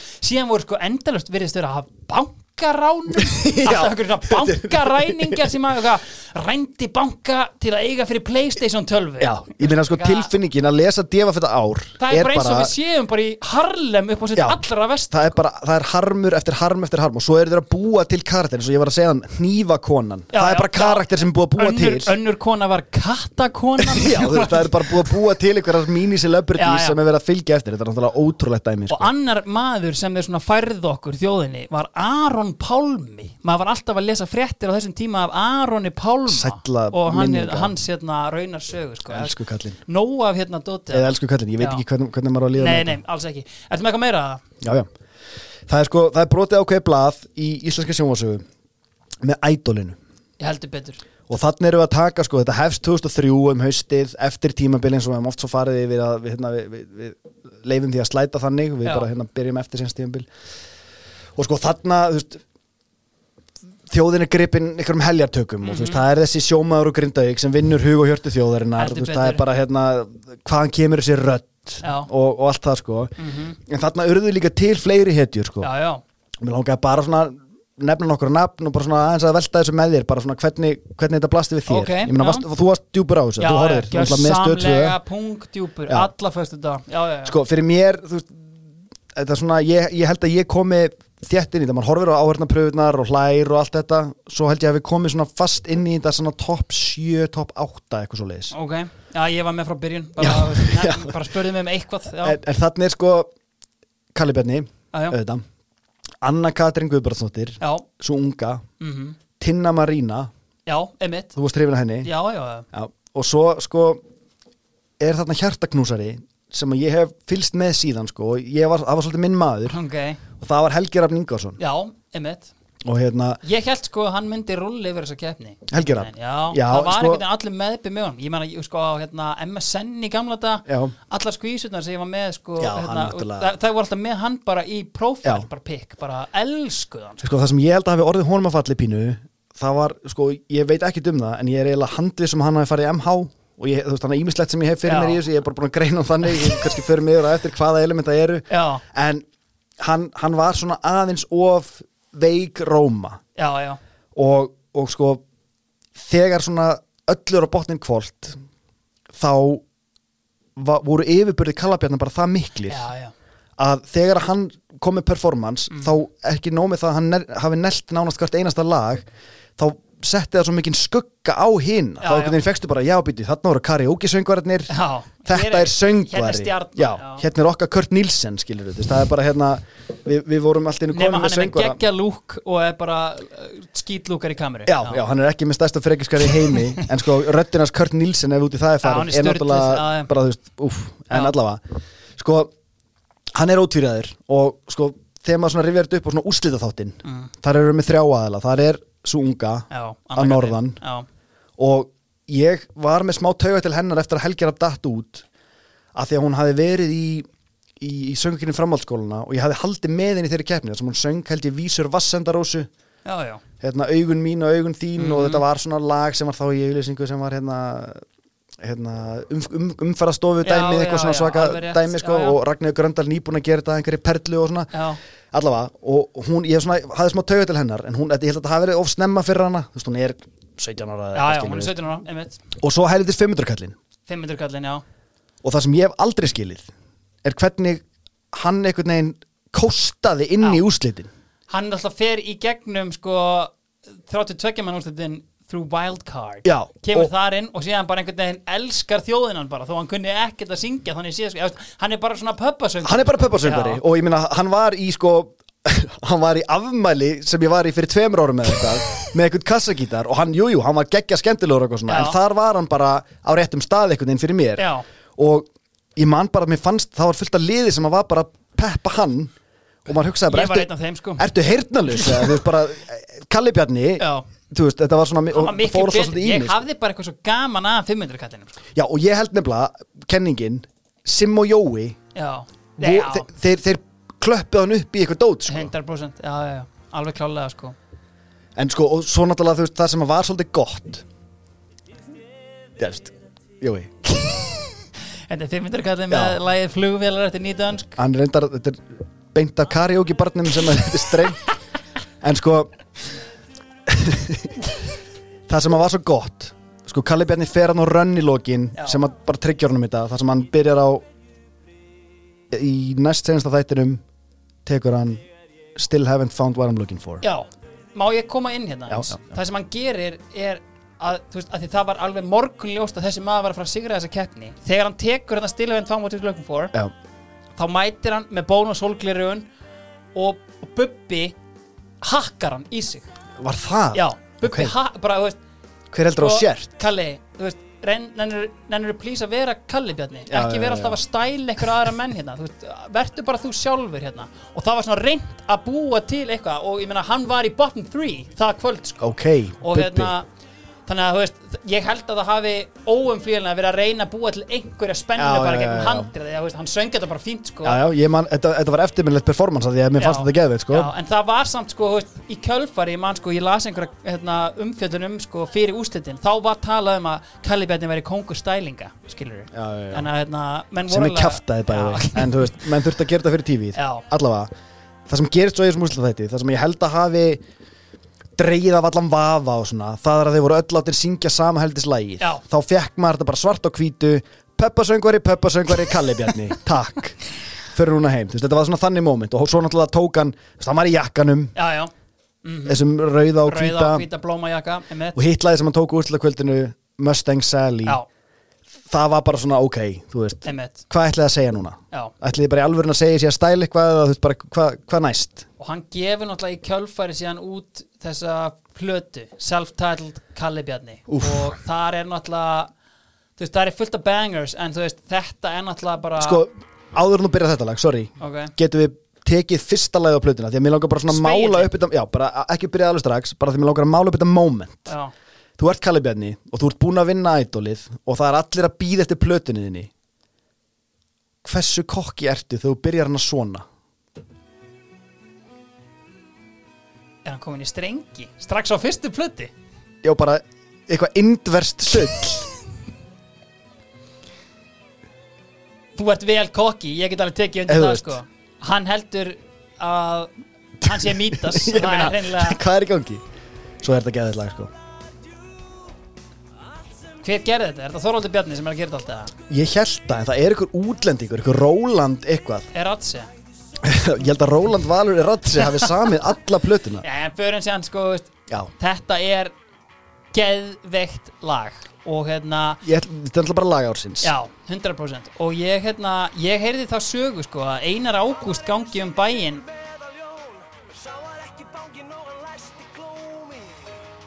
Allt það sem hann þráði. Sko Einar Ágúst gengur um bæinn og segir að Kalli Bjarni hefði samið þetta lag um sig já, ég ætla að leifa mér efast um það. Ég held að sé algjört bull. sko, þessi texti er náttúrulega störtlaðir og A- Hann þegar Kalli Bjarni syngur þetta lag Já, er hann segi meðaljónin sem að já, læsir klónum í allt sem hann þráir. Já. Alveg klárlega. Og það er skemmtilegt að hans langbesta lag Sé fjall, þetta. bara, fjalli um hann Fjalli um skilur síðan söguna sem kom í Já, já. Það var upphafi en sko, ef þú hlustar hann að texta viltu giska hver á hann? Það var hugsaði einu nú sinni segur meðaljón. Ég er að leita ferskeitlum og stuðlum og höfustöðum Er þetta Stefán að Hilmarsson? sjálfsögur þetta Stefán fucking Hilmarsson sem á hann að texta. Já, og þannig að sko það að Steppi Hilmars hafi sami lag um Einar Ágúst ólíklegt. Ólíklegt. Já, já, það er alveg klárt sko. En já, sko ég er ekki tómur. Nei, nei, sko, það sem að er áhugavert við höldum einhvern veginn að Grettan sé á undanhaldi. Já, þú veist, tilfinningin er svo heyrðu hvað landsins graðasti tekur bara til sinna ráða. Við þurfum hárið aftur. Rúnar Freyr leikstýrir uppsetning á hárinu fær til liðs þessi Þorvald Bjarna auðvitað sem tónlistastjóra Það vantar fleiri titlinga í samfélagið. Hvert kyntaknið á fætur öðru. Hilmisnær, Þorvaldur Davíð Selma Björns, Gói Ilmur Kristjáns. Eru þarna fengið til þessi leikhópin og svo heldur hann einhverjar pröfur og svona. Þannig að hann sko, sko hann neglir nokkur casting hann sko. Að því að Sverri Bergmann er fengið hann inn að ég held í kórin Já. fyrst og fremst, þú máttur á tippinu í lokin Sverrir, en þú syngur upp Já. á slæðið, þú tekur Þú fegst ekki Pokémon-lægið en þú tekur lægið hér tekur Age of Aquarius fyrir okkur. Og hann gerði það svo sannarlega. Og það, þetta er svona fyrir mér þegar ég sest niður og hlusta á hárið þá tek ég 2004 versjoni af því að Sverri Bergmann er guðdómlegur hérna og svo í, í hérna lifi ljósið Já, þar fáum við sko mannin sem að sko hann söng sig kannski ekki inn í hjörtu þjóðarinnar á sín tíma Mhm. MH einhverju knái, Helgi? Helgi. Já, ok. En hann mætti sko sannarlega söng sig inn á fjalirnar sko Já, á já, já. Östubænum þar sem að hann var mættur í kasti þar. Mhm. og sko hann, hann á gott performance í lifljósið. En sko fyrst sko, sko ég held ég mun ekki fá mörg tækifæri til þess að ræða helgarafn á opinberu vettangi þannig að ég eiginlega verð að minnast á soloplötuna sem hann gaf út reyndar Mhm. nokkur setna sko Já, en það er sko platan Personal Belongings og þar átt hann sko personal building Já, þa þar loksins hleypur hann öllu út og þar er hann mættur, skilur Ok. okay. Ædolið var aldrei fyrir hann og mín kenning var alltaf svo, hefur alltaf verið svo Hann var, sé ekki of stór, en hann var ekki á réttum stað í ædolinu Byrji þið helga menn. Já, Þetta- sko. Já, Og þar eru sko, þú veist, og mér langar eiginlega líka bara svona smá tilkynna. Ef, ef Arthur Ingi Kristinsson er að hlusta einhvers staðar úti mhm. Þá hérna, þá er platan loksins komin á Spotify, Personal Belongings Ok. af því að hún hefur ekki verið þar og sko ég, ég endaði fyrir svo sex árum að kaupa hann á tónlist.is en sko Arthur Ingi elskar sko lagið hérna Angela, oh Angela. Það er Artur Singarlegt já, geðað lærindar Mhm. en sko það sem ég hef aðalega fyrir mér í hans MH-ingur er lokalagið á þeirri plötu sem er sko heyr himna smiður, það sem hann rattar sjálfa sig í döðlur það er bara, það er basically skólasöngur MH bara, þú veist, þetta er kórin og pían sem stýr honum aðna, þú veist, það er einhvern veginn allir bara einhvern veginn að, Þorgerur já, að he- heyra sinn himna smiðana, sko, þannig að Mm. en aðalæðið á svona plötu er náttúrulega Urban Hymn, þar sem að hann tekur sko samtíman og greinir hann í döðlur helgir að Auðvitað og kemur með ádeilu. það hann kemur með ádeilu. Já. geðvikur, sko heyrðu, Já, hérna. Ég hef ekki mikið eftir. Nei, en auðvitað á í Eurovision já, já, heldur betur áður um fyrir um Eurovision Mhm. þá er ein auglýsinga því ég er alltaf að tróða einhverjum auglýsingum inn í þetta og svona Já, sem að mér finnst, hún er bara mjög eftirminnileg en hún er einhvern veginn þarna. Máttu eftir þessu? já, já. Ég hef alltaf svo gaman að gæðanum sem var að Kemur hérna inn á borvélinni hérna Múrbrjótin. Þegar hann byrjar eitthvað að rappa. Já, Hann er að detta inn hérna Hérna byrju Guð minn Þetta er heila blóðfall af auglýsingu en bara mér fannst þetta rammin ákveðin tíðarenda Mér finnst leiðilegt að ég þekki ekki neitt í þessari auðlýsingu Jú, Dóra. Dóri? Dóra sem að heitir Dóra Stefánsdóttir já, eða eitthvað já, nei, hún heitir það ekki Dóra- herri, þetta er Stefán Hallur Já, já, já. já, já, já. Hún er, er hún ekki Dóra Jóhannsdóttir Jú, Jó, það er er já. hún. Heyrðu, getur hún okkur rappa fyrir mig mögu? Ekkert mál, ekkert mál Heyrðu, allavega Eurovision, Já. sko engin undakefni Nú, við áttum sko successful undakefni Dauðans 2003 Rúnar Júl, ástaskítum skóm Botleðja getur ekki bara hafa verið vandamála að við spiluðum þetta einhver átján lög sama kvöldið Það hefur verið, já, það hefur verið eitthvað fyrir bara. Ég held að við prjóna yfir okkur með því að fara með þetta inn í háskóla bíó Ok. Við vorum ennþá að læra á þetta. Mhm. uh, Það er bara að kalla eftir lögum. Lagahöfund að senda inn lög. Sigur og bítum ber A little fella called Sveitn Rúnar Sigursson. Læknirinn í stúdíónu Doktorinn, já. já Og hann bara svona, óf, bara hvernig hefur að fá til að syngja þetta lag? Hmm, Sandy var í fyrra. Já, kannski ég hringi í Danny. Og Jóns er sjálfsögur fengir hann á því, þetta er bara lógík veist, Já, við, erum, við erum búin að hérna, við erum svona að snúa við ákveðinu, ákveðinu trendi, erum komin á topp 10 Mhm. gerðum það með Birgittu. Hvað er næst, það er Jóns, þetta er bara lógík. algjörlega. En Jóns er hann í ykkur svona píkformi og hann er hann er komin í ykkur svona tintit sólgleru sem eru mjög víða þarna, þú veist, blá Já. svona þú veist, við sáum ædol krakkana vera með þetta framan í sér sko Einmitt, glær alveg, sérð alveg augun Já, og það sem að Jóns er mikið að vinna með er aðsniðin þunn síðerma peysa Já, og Einmitt. þú veist, þe- þegar hann er ekki ermalaus þá er hann í síðerma Já. það er einhvern veginn engin millivegur þarna bara annarkvort síni ég allar byssutnar Já. eða engar byssutnar uh, hann fer hann út og það er svona uh, að sjálfsögðu góð stemming í hópnum og Gísli Martin er hann að koma með þeim út og, og, og það gengur ógslag vel og eitthvað Þetta er bara gamla góð uppskriftin Já, og, og, og veðbankarnir eru svona þeir viti ekki alveg hvað þeir eru að pleysa okkur. Veist, þeir svona, þeir eru í vandræðum með okkur. Já, og annars vegar eru þeir að spá okkur afhróði og hins vegar eru þeir að spá okkur geggjum árangri. Ok. Og Jónsi er svona mikið verið að punta á honum með þetta allt saman. Mm en hann lætur sér fátum finnast og hann tekur rosalega harðan stans í öllu saman. Já, sorry, ég var hann svo þýstur túle hann hérna hann ákveður að vera bara svona ég hlust ekki á veist, það er ekki veðbankar sem að vinna titla veist, svona þannig stemning eitthvað sko. Ég ætla Já, bara já. að gera mitt besta þarna úti og sjá, Já, já. Hva, sjá hvað það skilar. En mín tilfinning er svo að okkur fannst þetta að vera banger svona innst inni Já, já, fólk hafði sínar efasemdur okkur svona en þú veist þegar þetta lag er komið á þú heyrir þetta, þetta er geðvitt lag sko. þetta er fínt lag, algjörlega. Og það er svona Það er bara svolítið döll, skilur það er döl sko og þar, þar kemur sko aðalpunkturum minn hérna með þetta. Uh, það sem að gerist er það að við skýtum upp á bak. Við gerum það og endum í 19. sæti og föllum Já, já, með 12 stiga eitthvað relegation yet again. Já, og það er bara two tricky all over again og fólk er bara hvað fór úr skeiðis eitthvað er greina þetta og bara shit maður. Mhm. og það er bara ein ástæða fyrir að við töpum þetta er döl, jú en þetta er samt ballaða sem á Evrópa hefur alveg, þú veist, gæti alveg elskað sko. Ég, ég vil meina að Jónsi hafi verið í ómikið fötum til að byrja með Já, en kontrastin var aðalega svo mikill að því að hann kemur á svið beint í kjölfarið á Sakis Rúfas mm, Gríkjanum sko, Gríkanum gett eitthvað. Já, með lagi Shake It hendur því á til dæmis bara sem kontrast þú ert að fá hefn einhvern veginn í þér beint eftir Shake It með Sakis og hann er í sko öllu hvítu hnefnir á maga þú veist það er bara hérna það er bara svona eiginlega of mikill kontrast. Hefði við verið með einhverja svona sæmilega balluðu á undan okkur bara eitthvað svona hérna, eitthvað basic júrólag það er þetta farið þessu. Það er ekki eins og það er ekki eins og Gríkin hafi unnið hann bara skemmti fyrir okkur sko. maður þess að ég er að finna saki sinni það já.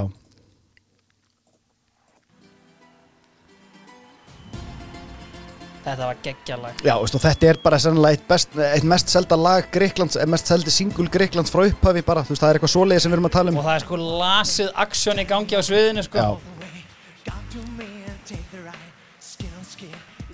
Og Jónsi var einn á sviðinu og það Já, var drama, þetta var of, við já. hefum átt að taka þetta í epík frekar heldur en Já, sko. þetta var algjört pissupásu dæmi fyrir aðra sem að þekkti ekki til sko. Já. Þetta er algjör þengar, voru að pæla eins í þessu. Já, já, Európa hefur enga tíma fyrir það. Nei, 100% ekki. Þannig að þetta var skitu ár, en Sigurvegarinn 2004 Þú ert væntalega með hann á hreinu Euro Joe var búinn að opinbera sig. Já, þú veist, þetta er Þetta er eitt besta atrið og lag bara sem Júrásin hefur þetta gefið er eina geitunum sko og að sjálfsögðu er Dubois frá Þangað. Íslandi Manstu eftir því, sko. það sem að hún gerir hún tekur túr um Evrópu, hún Já. mætti í Já. vetragarðin Já. til dæmis, bara fyrir keppni eitthvað sem ég man ekki til þess að hafa verið gert sko. ekki fyrr, en Nei. það gerist oft síðar eitthvað, de Sand og eitthvað allt sko og það, veist, það voru bara allir sem að, veist, ofte var maður að horfa á þessa keppni og bara, mm, já, þetta er fínt lag eitthvað. þetta er bara, já, það er að koma hérna negla eftir smá, Já, býðið aðeins já. það var ekkert algengt á þessum tíma, sko Svo er hún alltaf með nafn sem einhvern veginn sem- Ruslana. Já, Já, já. þú sem Íslendingur heyrir það þú gleymir því er ekki bara ekki séns Nei. Það er svolítið bara á þessum nótum sem að við kannski færum okkur yfir í boltan Go, go, go, wild dances Ég sé henni þessi lag, það Herru, færum okkur bara yfir í boltan Það er svo sem hægt að gera það. Til þess er þessi þáttur. Segja það einhver en ég er ekki sammála. Herru, uh, það er allt í blóma fjárhagslega. Aldrei þessu vant. Já, Við erum að fá hérna greinilega sko stjórnaforminu og annað voru alltaf að benda þetta við, ja, við erum búin að taka vel til í bókaldinu. En ég held bara að fyrirtækin hafi verið að dæla inn ennþá meira. Káir var endur eitthvað aðeins að taka til launakostn og annað, við munum eftir deilunum við GBN og annað. R3 hafa komið allir Já, R3 heldur betur. En sko 7 af 10 liðum í eftir deild skiluðu hagnaði og veist, það var bara allt í geggjum geira. Ok, það sem að stakk mig fyrst var auðvitað að boltinn átti sína fulltrúa í Herra Ísland 2003 ok Garðar Gunnlaugsson. Ah, sigrar keppnina. Einmitt. í öðru sæti. Nei, í öðru sæti Henning Eithor Já, við áttum bara with topp a 2 wand of a left foot. Já, bara, geggjað dæmi sko. síðan fannst mér eitt aðþykisvert úrslitaleikur deildabikarsins þetta ár. Mm. ég skoðaði það ekki en þetta var síðasti leikurinn á Íslandi þar sem mátti fagna með því að fara úr að ofan. Mátti það bara fram að þessu? Já, Á þess að fá spjald? Já Nei, ég meina maður ekki eftir í daga þegar Ravanelli er að rífa treyjuna fyrir hausinn Það mátti bara já. Þetta var þannig að banna þarna og þetta var, sko, ég alltaf að þetta væri eitthvað svona nektartengt, sko Já. en þetta er eitthvað svona, úst, á sérstu ekki með einhverja auglýsingar, skilur hérna, Já, skilaboð. Já, eitthvað svoleið, það er bara spjalda fyrir það, sko. Þó að sé eitthvað Jésu tengt Já, allavega Sko, Magnað uh, framarar Þeir náttúrulega höfðu hérna bjargað sér í enn eitt skiptið á, á lokadeginum með hjálp Steinar Skuðgers og Steinar auðvitað stendur í ströngu á mörgum vikstöðum, hann er lögmaður, booming business. Hann er ekki áfram hann Þjálfari. Já, Já. Ég, ég veit ekki alveg hvort að hérna hvort hann hafi vilja vera áfram, ég efast einhvern veginn um það með hvað hann er í geggjöðu geimi í dag. Þeir ákveða snemma í þessu ferli sínu að ráða inn uh, Jörund Áka Sveinsson sem aðstóða þjálfara af því að þeir eru búin að henda inn auglýsingu á alþjóðlegan veg alfred.is og fá haug af umsóknum og einhvern veginn það er bara, veist, nei, nú fáum við hérna útlending. Það er bara, veist, þannig rífum við okkur upp úr þessu. Uh, og hinga mætir 42 ára gammal rúmeni Jón Gjolgu Ok. Auðvitað fekk hann instantly viðnefnið Jón G Þetta myndi svolítið á Ívan Sokkur hérna fyrir einhverjum rúmlega tíu ára síðan Þetta töluðu mikið um að hann hefði ótrúlega mentin Ah. æðstu gráði frá einhverjum skólum og hann hefði verið að þjálfveika og sankaði sér einhverjum titlum í færiðum og hann er Nú. auðvitað döbbaður læriðasti þjálfæri deildarinnar. Ok. Uh, Þeir byrja á að fá Þorvald Makan. Hann hafði hætt hann hjá Káa ári áður uh, út af höfumeðslum en hann einhvern veginn fann hérna gýrin og, að og Jón G hann er auðvitað með sína færisku tengingu og hinga koma svona fyrir mitt leiti jú, Julian Johnson hafi komið hérna og, svona, og Jens Martin auðvitað og Unni Arge en þetta er svona næsta innrás inn í hérna, Ok. þegar þeir fá Fróða Benjaminsen og erki fávitan setna meir Hans Fróða Hansen. Uh, ekki nánar út í það sko. En hérna sko Hans Fróði talaði svona semi fyrir mót eins og hann sé að koma inn til landsins sem leikmaður sem á 20 ár bara á Englandi bara einhvern veginn já ég er gríðarlega spenntur að mæta í þínan uppbyggingafasa og gefa, af, gefa af mér og koma þessu stórveldi aftur á toppin sko. Ok. en allan að sjá, Færeyingur, sjá já. hann hvernig það fer. Huge signing. Hann er komin aftur. Home. Ríkardur Daðansson Já þannig að framarar eru að fara þeir reyndu líka að fá Helga Sig og þeir voru bara í booming málum einhvern veginn. En þú veist, það veitt ekki á að styrkja liðið að því að kjölfesta í liðinu yfirgaf félagið, Gústi Gilva hann var einfallega búin að fá nóg af því einhvern veginn í slagtói við Mr. September að hérna, bjarga liðinu ár eftir ár og hann bara meika ekki, hann, hann er hérna, búið með samlingi sinn, bara er, ég verða að skoða eitthvað annað, ég Já. get ekki meira af þessu Þetta er svo sem ekki allt sem fer að því að Þorbjörn Atli Sveinsson, Mr. September hann er yfirgefið framarana Já sko, mér fannst þetta bara það áhugavert að hérna ég ákvað eiginlega bara að heyra í Þorbjörni og úst, bara Þorbjörn, hvernig hefur það eiginlega eftir þetta? Bara fínt. Þorbjörn, þú ákveður að yfirgefa framarana rétt fyrir mótið 2004 búin að vera svona cult legend hjá liðinu líkil maður í september mánuðunum og ferði í fylki. Hver var svona aðdragandinn að þessu þessum uh, skiptum? Sko, aðdraðandinn er nú svolítið, þetta er nú svona löng saga og og þess að fara nákvæmlega út í hérna en Alls ekki, það er nægur tími sko ef ég, ef ég fer yfir þetta þá, þá byrjar þetta nú tímabilið á undan að þá hérna svo sem og Steina Guðkis að þjóla okkur eða tekur hérna við og, og kemur aftur á lappir eftir langvarandi meðsli svo þróaðist það nú þannig að að koma mér á lappin en ég fær heila hennubólku og, og dett heila alveg út allt sumarið og ákveð svona að gefa öðrum hlutum forgang í lífinu. Ákveð að hérna taka að skrifa að fara í Danmörk og nema hvað, ég reyndar frestaði förminni og, og hérna, fyndi í ljósið þess að því að nú eh, hérna,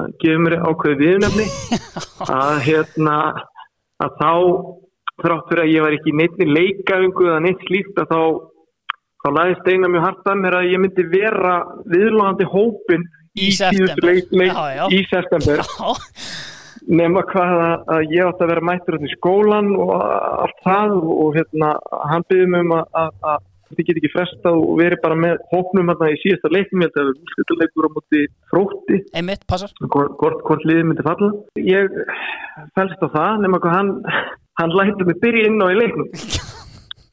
Og hérna og við vinnum nú leikin en ég hafði nú ekki svo sem mikinn impact í, leiknum beint en það sko nánast bara nýkomin á lappir eftir, eftir mjög erfið veikindi. Nema hvað að svona aðdraðin er svona í upphafi þessi. Mhm. Og ég fer hérna til Danmarkur í nám og, og hérna allt í góða með það. Og svo fer ég nú svona, svona fyrir að kýtla mig hvort maður eigi að taka enn eitt eða svona reyna að koma sér enn eina ferðina á lappir og, og ég er nú svona að æfa þetta með, með Lingby man ekki hvort það og var svona að hlaupa og, og var í svona þokkalegu standi. Að, og framarði hafa samband við mig og, og, hérna vilja fá mig til spánar í æfingarferð og er þetta nýbúinur að ráða þjálfara og ég svona hafði huga því að reyna uh, kannski að að koma hérna og vinna yfir sumarið og, og hérna og spila fókbólta samlega því. Þannig að ég fer þarna í þessa æfingarferð til spánar og það er allt gott að blessa þannig lagað og, og, og hérna var nú í, já eins og ég sagði bara í, kom sjálfur með nokkuð óvart bara svona hvað ég var í, í góðu standi og, við spilum hann leik við fylgin þar sem ég, ég, ég manda bara nokkuð vel Já, og, og, og, og hérna og hann gengur svona ljómandi vel allan hjá mér. Man, man ekki hvort ég skoraði fiskaði viti og eitthvað svona hafði alveg impact í leiknum.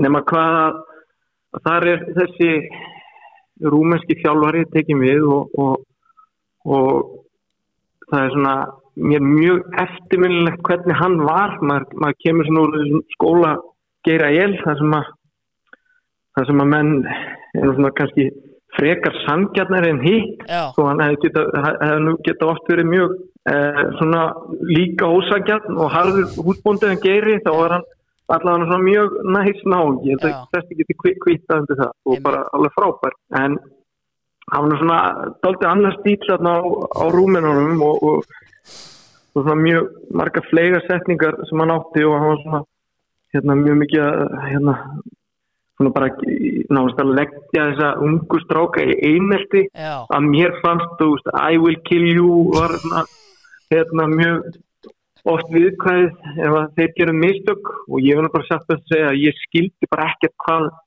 hvað þessi maður kom eða hvað hann var að gera. Nei, og leist var þess mjög illa á köða en svo þróast nú bara þessi æfingarferð ég man ekki hvað þetta var, fimm dagar eða vika og, og, og svo kemur setni leikurinn þarna í ferðalæðinu já, og þá er tilkynnt um að það er allir, allir með nema hvað ég var ekki þar.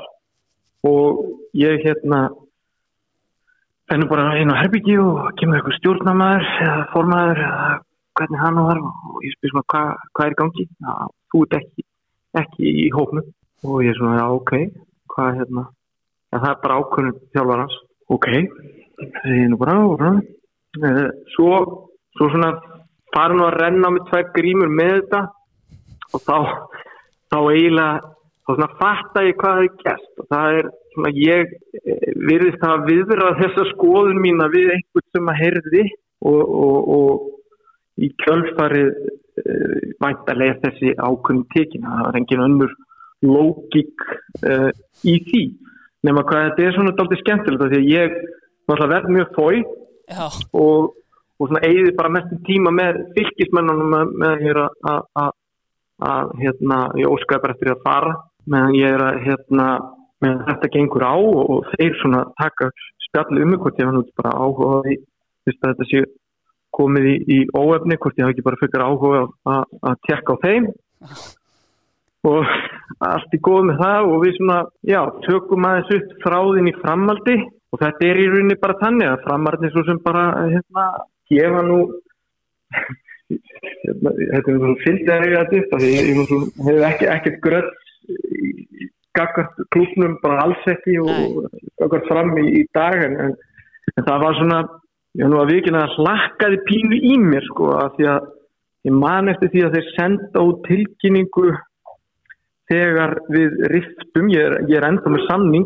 Já, og þeir setja ykkur svona típ útskýringu inn á, inn á netið að, að hérna, ég hef komið í æfingarferð og það ekki staðið undir væntingum ekki verið í formi sem þeir áttu von á. Já, og ég held að daginn eftir hafi ég verið að skrifa þetta fylki já. Þannig að þú veist, þú basically bara skiptir þarna, færir þig bara til á hótelinu og ert bara komin í fylki þarna í þessari æfingarferð ég segi það nú ekki, ég kom nú kom nú sko, ég fór strax í, í, í svona viðræðu við fylkismenn og, Já, og, og hérna kom flug, þau flugum mér heim til að spila bara leik og taka svona bara einn almen, almenlega leik þó að svona hluti minn hafa náttúrulega verið- frá gengnir já, og hérna en, en, en svona það, það er svona má svona færa rauk fyrir því að þetta sé svona svona sirka bát hvernig, hvernig, hvernig hlutinni gerðust það Ég meina, þú veist, þú segir, þú veist, kannski engin svona gröts eða annað, en þú veist, ég meina, þeir kaldar kveðjur að einhvern veginn að komi bara einhver rúmeni inn og, og hann fá að stjórna öllu og, og Mr. September er bara horfin á braut. Já, já, ég meina það er svona, verður bara að taka með að því líka, það voru, voru þarna, já, ef ég mann rétt, nýjir menn að taka við og, Mm. og hérna, ég mann ekki hvort það var ný frangastur eða ný stjórn eða hvernig það var og, þú veist, menn ætlaði að vera eitthvað óalega flótti kallar og, og eða kaldi kallar og, og það bara, er bara eins, og, eins og það er sko, Já. ég var nú svo sem komin, komin og ég hafði nú lítið svo sem ekki ná, náð almennilega spila eða hvað maður að segja það fóð nú dálítið bara mjög vel á stað tímabilið þarna 2004 hjá mér. Emmett? í fylki svo þetta típist eitthvað meiðist og er frá í þessum tíma þegar sumarið Já. kemur eitthvað aðeins tilbaki í lokin. Mm en svo veist, bara kláraðist það og, og ég fóð nú aftur í fram sko. Já, strax, strax aftur sko en, en, en, en það var nú svo sem þá voru nú einhverju farnir að, að, að þeir sem að tóku þess ákvöru ég man ekkit í dag hvort að ég hef verið eitthvað rosalega sko ég, veit, eh, ég hef eflust sagt eitthvað sem ég hef ekki átt að segja eða að fara fyrir brjóstið á mönnum mm ég var ekki að bakka eitthvað upp og, og, og, svo- það fram til guttum ég, veist, það skiptir, skiptir svo engum máli. En ég man að ég var ég var allavega mjög fúll. En, en mér fannst ég svona veist, svona í hjartanu þá, þá náði ég mér. Þá náði ég mér. Hann náði sér, sko, mér finnst þetta best þegar hann segir, sko, ég skildi eiginlega ekkert hvaðan þessi maður kom.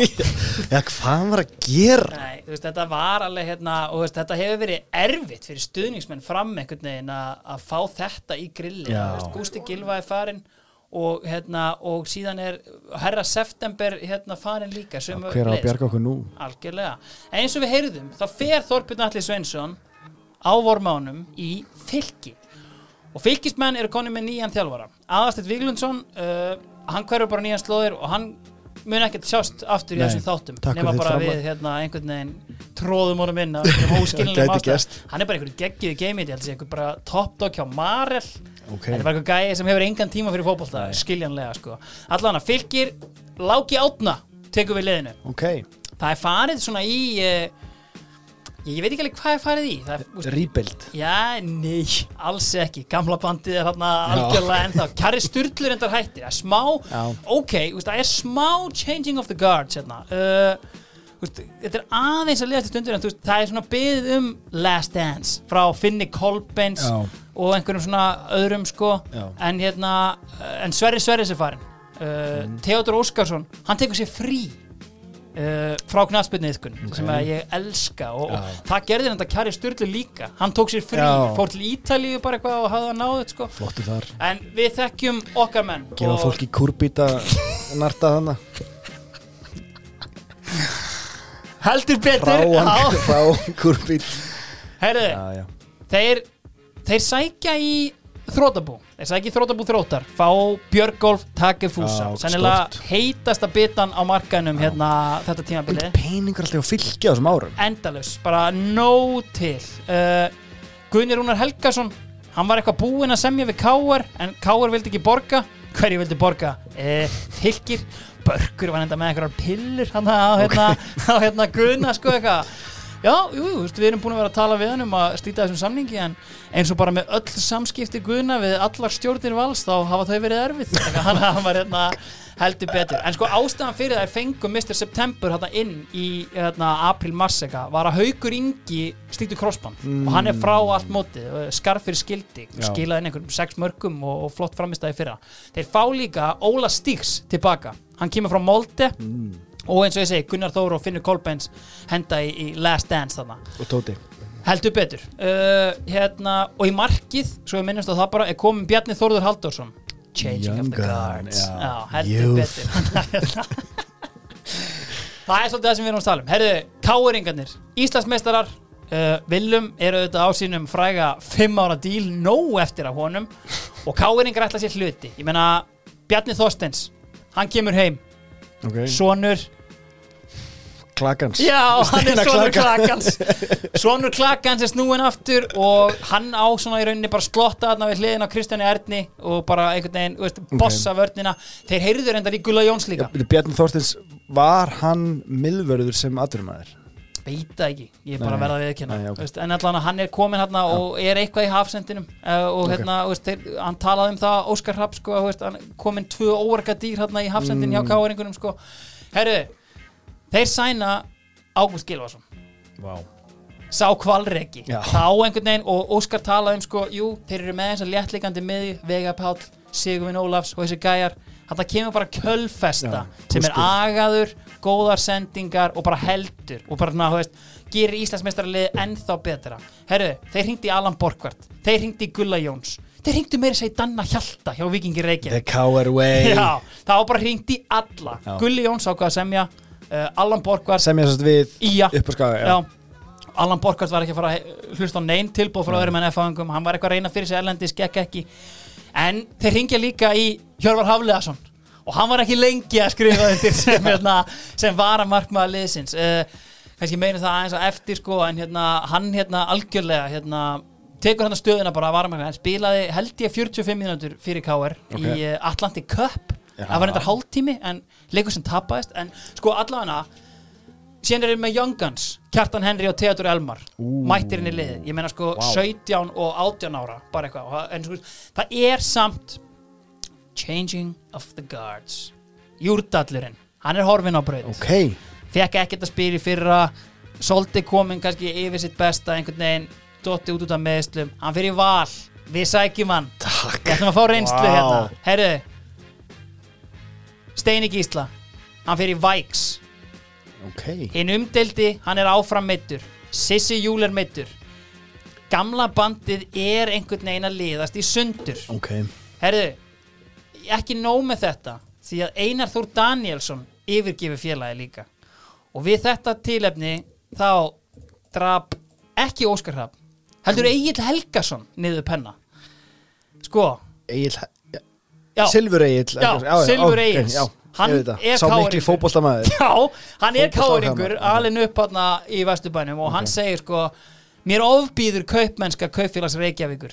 Og hann segir basically að þeir sem alist nú upp hjá Káir einanast enga vona á að vinna sér sæti í liðinu. Þetta er allt saman mjög góð og gild pæling hjá allir einhvern veginn en þú veist, á þessum tímapunkti finnst mér þetta sérstök grein fyrsta lagi þá er hann að tala um valsara Einar Þór Danielsson hann er 33 ára eitthvað, veist, Já, já, já. Einar Þór fær ekki mínútur. Er þessir ungu leikmenn veist, um þetta hvert er að um að tala. Heru, og hann ákveður líka bara að verða eins og Einar Þór. Ég hef búin að skipta yfir í val. Ha? signing of the season, Egil Helga í stúkuna á hlýðarenda heldur betur. Sko Óskar Rapp, hann gerir hérna byrti grein, byrjun janúar. Willum hann, hann, þetta er svona, eftir hann tók Geir Þorsteins, Já. þá, fólk fíla þetta. Já. Willum! Ég það er, tala ekki, beint við það er ekki hægt að klúðra þessu. Og hann bara listar hérna upp skilur A-liði hjá KR og B-liði hjá KR og Einmitt. veist, bara eitthvað, þú veist, þeir hafa eiginlega komað sér í þá stöðu að gamla smekkleysum mottóið heimsifráð eða dauði á vel við. Þá væri lítið annað en hnyggsli ef liðið inni ekki tvöfalt og kæmist í það minnsta í aðra umferð meistaradeildarinnar. Þú veist, Óskar Hrafn er þarna bara komin í sko gamla þusaran í, í stúkunni sko. 100% Pressan sko. og við skulum aðeins, sko, ég hérna, að því máli er það sem að gerist er að veist, það gerist hellingur eftir hann skrifar þessa grein að því að ég let þetta byrjunarlið káeringa sem spiluð á mótinu í hendurnar á R3 ráðgjöf bara undir þá greinina hjá Óskar og þeir endur skoðu þetta bara ef þeir eru með þú veist, verktakagreislur þá þetta heyriði R3 ráðgjöf strax sko þeir sögðu þetta bara og veist, Þóra og Tryggvi hjá R3 sáu byrjunarlið hjá KR bara ok, er þetta liðið sem átt að taka allt? Spes. Já, já, já. Af því að það sem gerist er þeir selja Vegarpál mm. í reyndar mögnuðu dæmi hann fætti Stabæk og það er eitthvað svona karp um hérna um bara allt. Kaupa kjör kjör og- bara allan anskotan. Uh, Veigar hafði að verið þarna áðan að kemur til KR hjá Strömskotset. Mm. Strömskotset vildi auðvitað fá pening þegar hann var losnað þaðan. Það var enginn tilbúin að borga það. 100.000 norskar, bara, já, Gleymdu ok, glemdu því. Herru, einhvern veginn kemur Veigar samt í KR og það er í gegnum það að fjárfestingafélag Urania Trade Limited frá Kýpur keiftan frá Strömskotset þetta er svona Carlos Tevez Já, Kia. Europe Kian Já, já. Kia Motors eða einhverju sem áttan hann er bara nákvæmlega í svona third party ownership shiti og K.R. eru allt En hver er maðurinn að baka þetta kýpurfélag? maður sem heitir Baldur Sigursson einhver fjárfesti sem er stattur í London. Með grunar þetta sé gæi sem ég sé stundum á Kaffi Vest. Með skeggi já, og, já, er já, þetta þetta ekki er hann kvikukallin já, já, hann átti bara hérna Vegard Pál og leita á þetta sem hérna fjárfestingu og bara vel í ettur og, en K er auðvitað vel pyrraðir, Siggi Helga hérna orðin frangatastjóri K er sport hann segir farið sínar ekki sléttar. En, en come on Út í Baldur þá eða? Nei, út í Veigar, út í Stabæk bara, bara, hvað viltu? Við fengum hérna gæða leikmann frýtt sem tryði ykkur þrjá titla eða eitthvað, veist, um hvað það tala? Auðvitað fær Urania Trade Limited, auðvitað allan þennan pening. Samkvæmt reglum samtíma þarna, ég meina, hann er búið að 100%. taka fyrir þetta núna Sko síðan er meira, ég meina Bjarki Gunnlaugs er ekkit heill heilsu. Garðar Jó raðandi inn mörgum á Prísísson meiðist rétt fyrir mót Ok. með Veigari og Garðari fara sko einhver 40% mörgum á Prísíssonu en þetta er komið út í algjört rugl. Ekki það að liðið það hefur verið lélegt veist, þetta var uh, Íslandsmeistarar í hverju rúmi þarna en þú veist, Þetta tekur balansin eða svona þetta er ekki sko veist, þetta er alls ekki þar en Káar eru auðvitað að spá sigri. Skaganum öðru sæti, þar fyrir neðan komið FH og fylgir Grindavík og Skagan að möðru seti Já, Áhugavert. Höfðu tekið annað árinu áður. Við herkjum með það ekki samt ég bara, náttúrulega gerði bara sem að Gulli Jón saði, þú veist, þeir það kom grein hjá Já. Haflega Breiðfjörð og þeir nýttu það sem elsneiti Herru, en Grindavík og Víkingi er spáð falli. Og sko áður en við förum út í fleiri leið, við skulum bara byrja hérna yfirferðina af því Voru vikingar að koma upp? Víkingarnir voru að koma upp, meira um þá Ákvað, eftir smástund, að því við erum komin í sumarið og sumarið eru þetta í bóði sjófá Já. Sko ég vil eiginlega bara svona minna á mikilvægi þess sko að fá tilbúð í tryggingarna einar. Ég hef sko linnulegst gert þetta og sjófá koma alltaf on top. Léttir á því, úst, bara inn á heimasinu sem sjófá bara fá, fá tilbúð takk, Enga stund. Herru mótið byrjaði alveg eins og það endaði. F-fáingar unnu KR 1-0 uh, er uh, aðeins minni sigur en síðast en Alli Viðar Björnsson skorar hérna sigur markið uh, Býtu byrjar mótið á sama leik og það endar? Já, F og KR Og í get ekki gýra sig upp í tekst ekki. F-fáingarnir uh, þeir höfðu bætt við sig á Óli og auðvitað áfram og þeir sáu hvað það gengið? Danir, ok, Simon Karkov afskaplega góðu drengur sagði Óli Jó, sænan hann. Gæti ekki neitt. Hann, Hann, endaði upp í breiðolti er, er það, gæti hann eitthvað það? Nei, ég held ekki. Kannski á því kaliberi en Óskar var óvægur í gæðan hans hann á tímabili. Þeir, þeir fá Ármann Smára og nota hann sem sendir. Uh, Ok. Já, að hann er bara komin að inn í hópin enn eitt leikmaður sem Káar reynda að fá það gekk ekki. Herri, uh, Óskar Ófegur hefur svona alltaf mestmægnis séð um uppbytununa fyrir mót á þessu tímabili sem ég hef verið að skoða. En Óskar. Rapp Óskar Rapp var fenginn í FH og hann ákvað að setja pressuna á FH-ingana hann bara alveg bara, veist, einhvern veginn svona veist, þeim var spáð þriðja sæti og hann einhvern veginn bara svona dældi á þá bara þeir eru með geggja með, þeir eru með geggja svo, hvað er allir að breyðast Jú, hann benti á það smá brast með hægri bakurinn og þeir byrjuðu upp á mótið með Heimi Snæ Guðmundsson gæja úr hinnum The Famous Class of 84 og bara þrennumæðurinn bara fjari ekki á gamni eða? ég þarf aðeins að leiðra þetta sjálfa mig sko held ég, að því að hann var ekkit í bakverðum hann Gummi er basically svona inn og út úr liðinu hægri kantmaður, Gummi Sæfars ok, ok. Sko það sem gerist er, hann byrjar mótið með Heimi Snæ í bakverðinum hann fær raukt spjald eftir einhverja fjóra leiki þá er þetta bara, "Ö, Gummi í bakverðin ok, no turning back, þar byrjar þetta bara. Tengiliðri bara 100% sko. Kótin búinn, þú skorar ekki fleiri mörg það er 100%, þannig að færum við bara niður í bakgrunn sko, Ólafur tók starfið að sér í greiðaskinni við gamla félaga og léttleiki hans, mátilegt kæruleysi og nefntópaksmokstur og hliðalínni virtist fara vel í mannskapin pillur. En þeim er að þannig að spá þriðja sæti og þetta er alvöru statement í fyrsta leik og ég meina, þú veist fáir en enga fleiri heldur en hérna en hann Simon Karkov og Ármann Smára veist, en það er að koma, veist Class of 84, Emil Hallfres er árinu eldri veist, og allir þessi gæri, Heimir Snær áður en að Davíð Þór kemur setna Ó. en, en Heimir Snær startar í bakverðinum áður en að hérna, Sverri Garðas er þarna ennþá og Já, allir já. léttir sko, Óskar stakka eins niður penna eftir hennar leik F.A. og K.R. hann sagði að það kemur sér mikið óvart eða Petur Potsemski sem hafði líka samið við K.R. glemt að minnast á hann á hann gæði sem hafði komið á træl hjá Breiðablик tímd ekki að borga launin hans hverju tímd að borga launin hans? Jú, K.R. hann sagði sko bara ef þessi maður verður ekki komin upp í flugvél til Prag á morgun þá er ég fyrir miklum vombriðum Glundróði og taugaveiklum var bóður dagsins í vörninni miðjan með Petur Potsemski sem slakasta mann kom valla sendingu á samherjina og sóknarleikurinn stóð á fjall með 17 ára gömlum framherja kjartani Henry Finnbúa sinni. Það segir meir en mörg orðum sóknarleik káir að það lifnaði töluvert í orðum þegar Guðmundur Benediktsson, já ég segi og skrifa Guðmundur Benediktsson kom inn á sem ekki hefur æft knattspilnu undanfærið ár og þaðan af síður spilað hana. Þannig að þetta er basically, hann er myrkur í máli hérna. Sko, annar stórleikur upp á Skaga þegar fylgismenn kom í heimsók og Sævar Gísla kom fylgismennum yfir áður en að Skæin jafnaði metin á loka sekundunum. Skæin voru að koma high flying inn í mótið, spá titlinum af sín, sín voru með sína sérstakku spá, hann veist, menn voru alveg á Skaganum sko og hérna öðru sæti og öllum öðrum víkstöðum og hérna auðvitað höfðu þjappað sér saman hérna og allt það sko en í þessum leik sko Óskar stakk líka niður penna sko eða hvort það var Henry Birgir sko að Óli fór í einhverjar hundakunstir bara fyrir fyrsta leik, hann hafði spilað allt undirbúinustíðanbíl með Hjálmdór Hjálmsson í hægri bakveri, Ellert Jón stóðsendingavélina sem hafði komið aftur frá val. Þegar þeir voru bara teknir út úr liðinu. Sætti bara tengilið í bakverinn Kárastein Reynisson og spilaði ekki með hægri kantmann. Láki átna spottaði þetta og sagði bara ok, tvíta eitthvað á vinstri kantin og þá bara ekkert kantspil, bara langir boltar og eins og- eins og stóð hérna Ólafur hefur ekki þekktur fyrir að vera mikill taktíker og fær hann fallengum fyrir þessa tilrunastarfsemi ef hann sleppir álíka tilrunum í næstu leikjum skagans, ætti þetta að sleppa. En skæin hafi bætt aðeins við sig. Fengu hérna sóknamann Alan Marsina frá Kanada. Þetta átti að vera einhver algjör frumur. Hann var búinn að semja við PAOK og átti basically bara svona að raða Ok. inn þangar til í júli þegar hann fær á prísunum með PAOK skoraði þessum leik, fylki.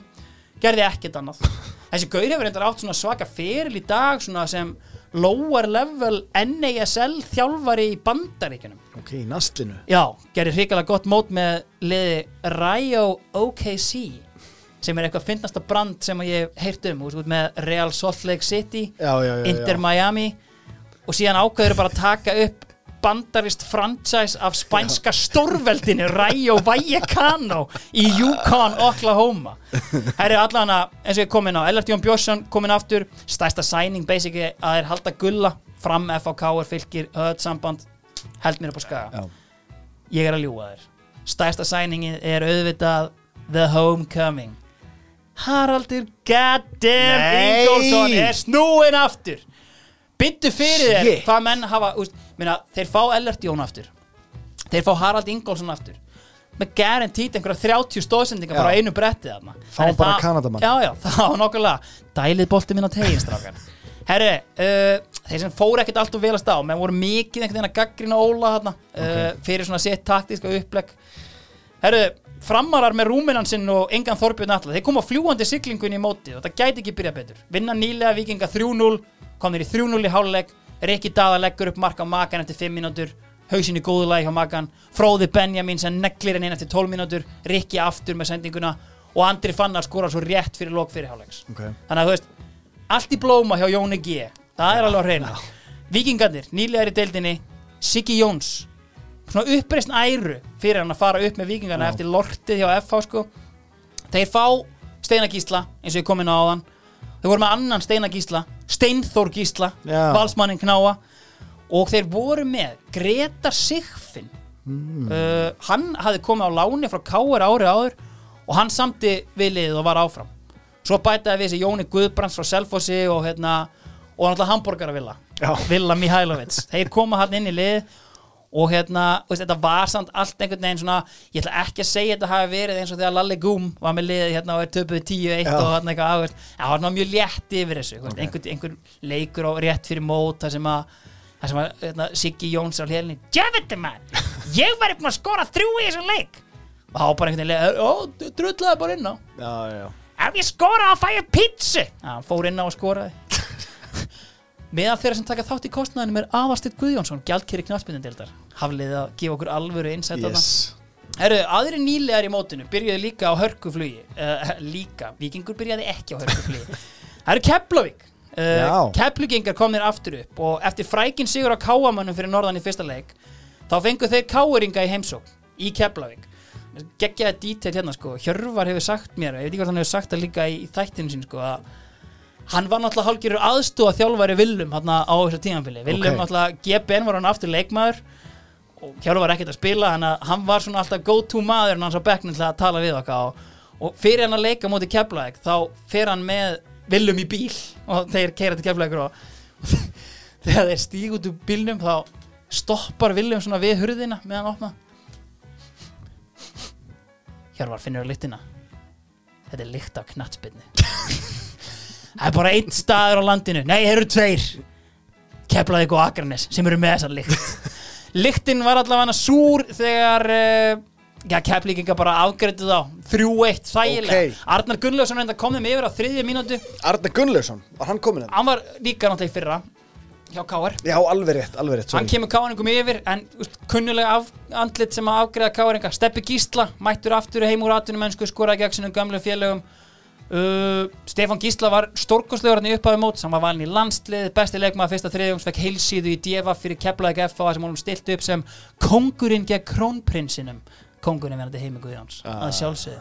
Það eru skotlitt í Ramsey, hann tók einn hamar og aukaspinnu gegn sínum gamlu félögum og Hörður Sveinsson kláraði þetta fyrir lokleiks. Ég ætla stein glemt að minnast á því síðasta þætti. Já, kannski, og þú nöst ekkert við það að Scott Ramsey kom lítið við sögu hann hjá K.O. ég tók ekki til neinu þegar sko. þeir sænuðu Arnar og Bjarka þarna í rétt fyrir, eða í mars Já, já, já. þá sagði bara Scott bara, er, hvað fokkanum er ég að gera Já. leysi mundan samningi Þetta var strax. náttúrulega helviti lítill balans í þessu bara, ég myndi að hafa segður hún að Arðan hefði komið inn í fyrra. Var, við vorum að tala um það að það hefði bara verið allt, allt og mikið að dóti Já, já, hann, hann fór sko, okay. óumflýjanlega. Hann, hann fór til Keflavíkur, flög með þeim upp og mættur hérna aftur í æstu deild. Uh, Hausthörður Sveinsson kláraði þetta í, um vorið sem kemur á óvart. Já, en þú veist, Keflavík uh, Gummi Steinas, hann var tekin aftur heim. Uh, var hann búin að vera dútla í fram búin að vera dútla í Danmörku, hann kemur heim. Óskar Ófegur setur Keflinginga á Sputnik liðið fyrir tímabilið, ég vil Ok. halda því til haga Já. hérna. Og þeir missa Ómar Jó hann fyrir Svíþjóðar. Og hver tekur við hönskunum? Óli Gott. Ú. sko hérna fer ég aðeins að ég er alltaf að lesa á milli línana með Mm. Óla Gott. Einhvern veginn, svona hvar er fólk að staðsetja hann einhvern veginn? Já, hér fer ég aðeins að lesa á milli lína því að hann er að díla, hann missir af einhverjum leikjum eitthvað, því hann er að díla við erfið meðsli í hálsi. Mm. ég hef aldrei einhvern veginn heyrt um það sko sem eitthvað dæmi. Og síðan setna meira tímanbílinu síkingi Veist, þetta er svona allt mjög spesifist og spyrði engra spurninga. Já, ok, já, Já, já, já, það er síkingin já, um eitthvað, þú veist, þannig, að, þú veist, ég held svona þetta, þetta, hana herru, um, sko, Steppi Gísla hefði komið þarna árinu áður og þetta er svona, þetta er svona changing of the guards einhvern veginn, því að þú veist, hinga til höfum við bara verið með Bjargvættin, Já. Þórarinn Brynjar í þessum svona þú veist, 80 og, og Gummi Steinas aðeins komin inn í þetta hvort að hann er reyndar aðeins eldri en hérna koma inn, þú veist, Hólmar Örður Rúnarsson Mm. Jónas Guðni Sævarsson Maggi Þorsteins og auðvitað Hörður Sveinsson sem ég nefndi á hann Jakob Ljónhars var hann á Dútlandi uh, náði ekkert að spila vegna meðsla var en Jenni þarna líka? Hm, Var Jenni þarna líka? Jenny Kid Já, Jensen. Kid Jensen. Come on. Jenny er því miður horfin á braut ég veit ekki hvort hann var eitthvað í kringun liði sko. En hérna, Milan Stefán uh, Janko er að þjálfa keflinginga Ok. Og hann fekk hérna, hann fekk uh, Jakob Ljónhars í óspilandi aðstofaþjálfara ok, svona gumma ben meðferðin einhvern veginn. Og hann, ég til sín taka fekk hérna rautspjald auðvitað á bekknum á móti Ah, sjálfsögðu. eitthvað herru, uh, DFF fyrir tímabilið Scott Ramsey, snillingurinn Scott Ramsey verður á vinstri kantinum en það verður allt eftir auka kílóum hvernig hann mun farnast í deildinni. Jæja, það verður aldrei skipt hérna. nei, algjörlega ekki. Herru, toppslagurinn í annari umferð fylgir FH uh, uh, og það var auðvitað okkar maður sem stelur sinni í mæ Þorbjörn Alli Sveinsson. Já, 1200 krónur í ræsið var fyrirsökt DFF þannig að við tölum þess ekkert meir um þann leik Eru káamenn vinna vikinga í vikinni og sko leikari sem vikingar eru miklu betri þrátt fyrir að sko, eitt þeirra bestamann Viktor Bjarka Arnarsson, hann er líka hann í vikinga á þessu Mm. Já. og veist, hann er að koma þarna einmitt úr svona platinu mennsku í Hollandi sem hann er búin að vera í langan tíma, var hjá Utrecht Já. var þar með a little fella called Dirk Kaut já. til dæmis og var búin að vera í top oss og einhver svona típiskum liðin sem Já, Íslendingar já, já. eru í en engin veit hvað eru. En hérna hann er allan að mæta hérna í vikina frábært tímabil hjá honum. Herru, káamenn hins vegar þeir einhvern veginn það er changing of the guard. Totti Örlegs hættir að spila. Það gerir líka slópúta Mílisits svolítið svona curious í ljósi ummælana þarna frá byggarleiknum sem ég nefndi í síðasta þætti hvað var það eftir? Eh, Kristín Jakobsson, þú veist já, já, já, já. maðurinn er náttúrulega bara hálfviti en þeir að hætta báðir sko. en þeir fá himnasendingur rétt fyrir mót þegar Atli Sveit Þórarinsson dettur einhvern veginn upp í hendurnar á þeim og hann skora sigumarkið örgriti hann var komin, já, já, já. hann var bara búin að vera í mennskunni Já, já, já, nokkur ok, ár sko. ok. og hérna, hann skora sigumarkið í leika móti vikingi og gott ef hann er ekki bara miðjumæður hann hann er að skora Ok. hauga mörkum hann er bara veist, svona, teljandi markaskorið í þessari deilda hann er sko búinn hann er þriðji markaðastur eftir nýju umferðir með fjögur mörk allt eftir hotn eða eitthvað. Þeir fá í marki Sandor Matus gæi sem að Ok. ungverska stálið. Uh, og hann leysir þarna hólmi Sören Biskoff alvöru vítabanni. Og síðan sænaði náttúrulega hérna, Jóa Þórhalds frá Þór. Uh, það á að skora mörg uh, Jói Þórhalds auðvitað hafði sagt að það væri líklega að hann myndi spila fyrir AC Milan heldur en að færi Káa en það rætti svo sannarlega ekki því að ég man ekki eftir honum í Rosaneri dreifinu nei, þannig að hann er allan að mættir þarna. Herðu, fylgismenn þeir heldur áfram á góðu róli. Unnu vikinga Sævar Gísla og Þorbjörn Atli þeir eru allt í öllu Þorbjörn Atla á sendingu, Sævar skorar Sævar leggur upp á Þorbjörn Atla. Þeir eiga Björgól taki fúsa 100% inni. Ok já, Þannig að þú veist- eitthvað? Nei, hann Hann bara bara gefið hann bara lélugur, hann að Þorbjörn byrjaði á bekknum en hann var bara algjörlega búin að taka stöðuna sko. en Þorbjörn vaknar í toppslagnum í næstu umferð. 2-0 nei, Þorbjörn, Bjöggi, Já. hann vaknar. 2-0 og þeir eru bara komnir á toppin we've been here before. Þannig að þú veist, lítur hrikalega vel út allt saman, sjá hvernig þeim farnast og keflingingar eru hérna svolítið að brotlenda og endanlega brotlendingin verður gegn eigamönnum Magnús Gílvason með alvöru drillur og kraftaverk. Já, 4-0 sigur. Hefur, hefur farið í að því Maggi Gilva er náttúrulega frá Ólafsvík sko, já, já, en hann viðrist að tekið einhverju gjörssumu ástfóstri við eigarnar hann er kóngurinn á þjóðháttíð já, hefur kíkt í kvikt já, hjá honum? já, ég hef endað þar. Þar, ég og tittvélinn vorum ekkert um hann langt fram eftir. Hefur fengið hjá honum saltfisksmúsina nei, það var ekki gert svo ég var þarna, sennilega verið sko þegar Arnarsveit, þegar Arnarsveit var í val og Maggi var að þjálfa. Þetta var svona 2014 þá segir hann bara, herri, nei, veist við erum ekki að fara að fá okkur neitt að borða við erum bara að fara tjaldið til Magga. Það er saltfisk músin, kottum með mér í smá ævintýraferð. Þetta er bara, ég er ekki mikill fiskmaður sko. Nei, en veist, Maggi laði bara fyrir fram að mér rúbröð og saltfisks mús og ég sat hann í klukkutíma og raðaðir. nánast þangað til Maggi sagði, herri, það þarf að vera til eitthvað fyrir fleiri allavega það er náttúrulega sko norskæti sem hægt er að fá í þessum kvítitildum er ótrúð sko, Já. það er einmitt svona, ég átti svona upplifun það var ekki svo frækt að vera eitthvað af makka gilva sko, Nei, en það var samloka sem ég fekk að einhvern tímann, Já. kastað til mín og hún breytti lífi mínu því þetta var sko á okkur mjög svona örlægaríku mómenti á kvöldinu og þetta var rækjusalat samloka nema það var enga rækjur, það var bara humar. Og tilfinningin var bara, þú veist, það var eitthvað svona sælur hrollur sem bara Já. fórum allan líkamann sko, þú veist, það ég er með hana- Kristinn Sigursson sem hefur gefið þetta. Það það er- slettir sko- skýrinu það var eitthvað gömul kona sem rétti mér þetta og, og þetta var svona það var nefnilega alveg mómenta því að ég borðaði þetta og ég var freka fullur og ég sagði sko ég man ekki hvernig ég orðaði það en ég sagði basically að mér langaði að stinga tippin á mér inn í þessa samloka því hún var svo góð. Sorry að ég sé að segja hérna þetta. hér, ok og það já. kom svona þögn í, og það var bara allir í kvítildunni ég var kannilega að segja þetta við sko ætt móðurina. Og það bara sló dauða þögn á, á tjaldið. Myndir þú segja að þessi samloka hafi loksins verið skrótt já, já, já, það er nánast þannig. Loksins fann ég samloku sem að passaði í sko. En mómenti sem að síðan svo braut í sin Það var sko gamla konan sagði síðan sko Já, Guðanabæni fari nú ekki að gera það. Og þá bara dó allir úr hlátri sko. Og þetta var bara mjög gott móment sko. Heyrðu, maður ekki gilva Algjörlega, hann fær Matt Garner í gegnum Crew samstarfið. Það heldur áfram að gefa. Hann sækir Einar Þór Danielsson til Káir Ok. Hann færir hann um að koma til eiga Og hann fær líka Jón Skafta Og hann fær Magnús Má Lúðvíksson. Þannig að þetta er orðið svona smá Káir B. Og það Já. var svolítið svona stimpillin sem ég voru að fá hann Ok. sko. En hérna Changing of the Guards, Hjalti Jó, hann er hættur Og Ingi Sig er endanlega hættur Ian Jeffs er áfram, hafði heilla land og þjóð uh, það hafði Tom Betts ekki gert og hérna hann fór það var einhver fótur á fyti að Gunnar Heiðar fór í eitthvað viðtal og Gunnar Heiðar aði yfir sig eitthvað og þetta draði eitthvað tilbaka þetta var verið oftúlka en það var allt, allt í góð og, allt saman setla hjá Ok. okay. konginu sko. Djefaf hafði miklar áhyggjur af eigamennum með spáðarna réttu botnin en eftir sex umferðið þá var þetta ekki, ekki að sjá því að liðið er komið í þriðja sæti. Ok. Káringar ná engu flugi. Uh, 0-0 í jafntefli á sigurslóðum sínum í Grindavík þessum Sigurvinn hafði þetta bjargaðin frá falli 2001 uh, og Sigurvinn eitthvað meittur spilaði lítið en almennt sagan hjá Káir það er engin að spila.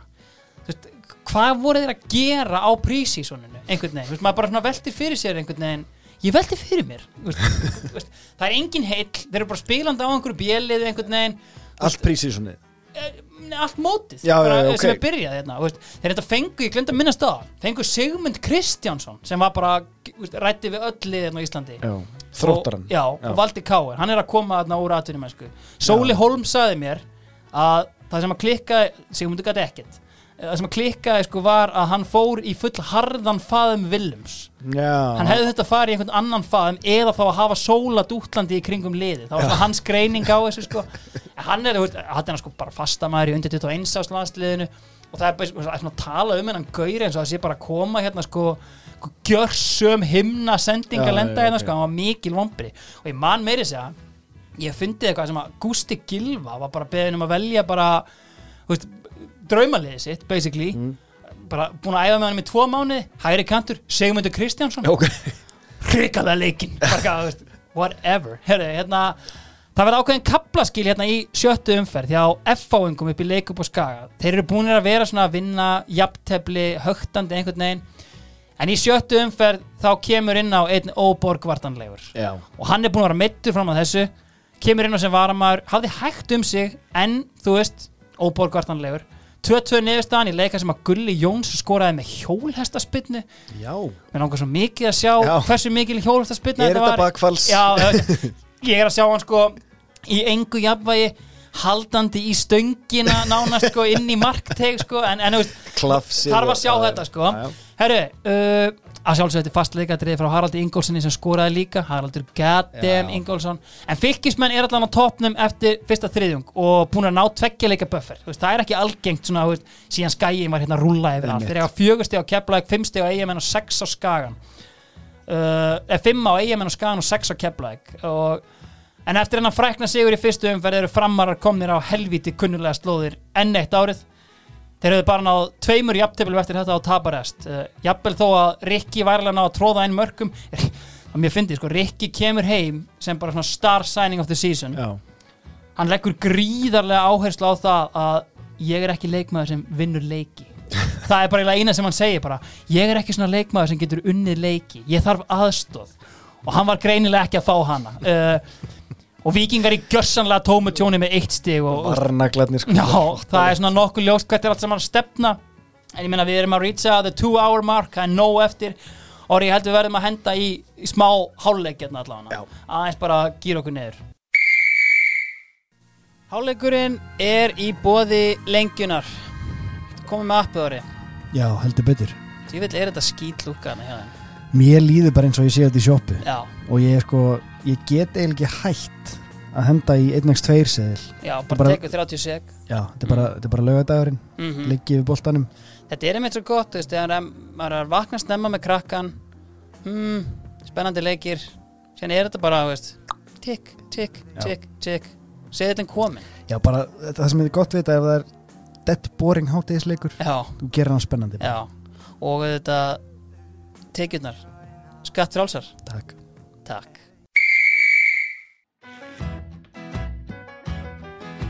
annar þriðungur herðu, veistu hvað ég hitt á Dominos um daginn? Nei, Carnell Nei. Já.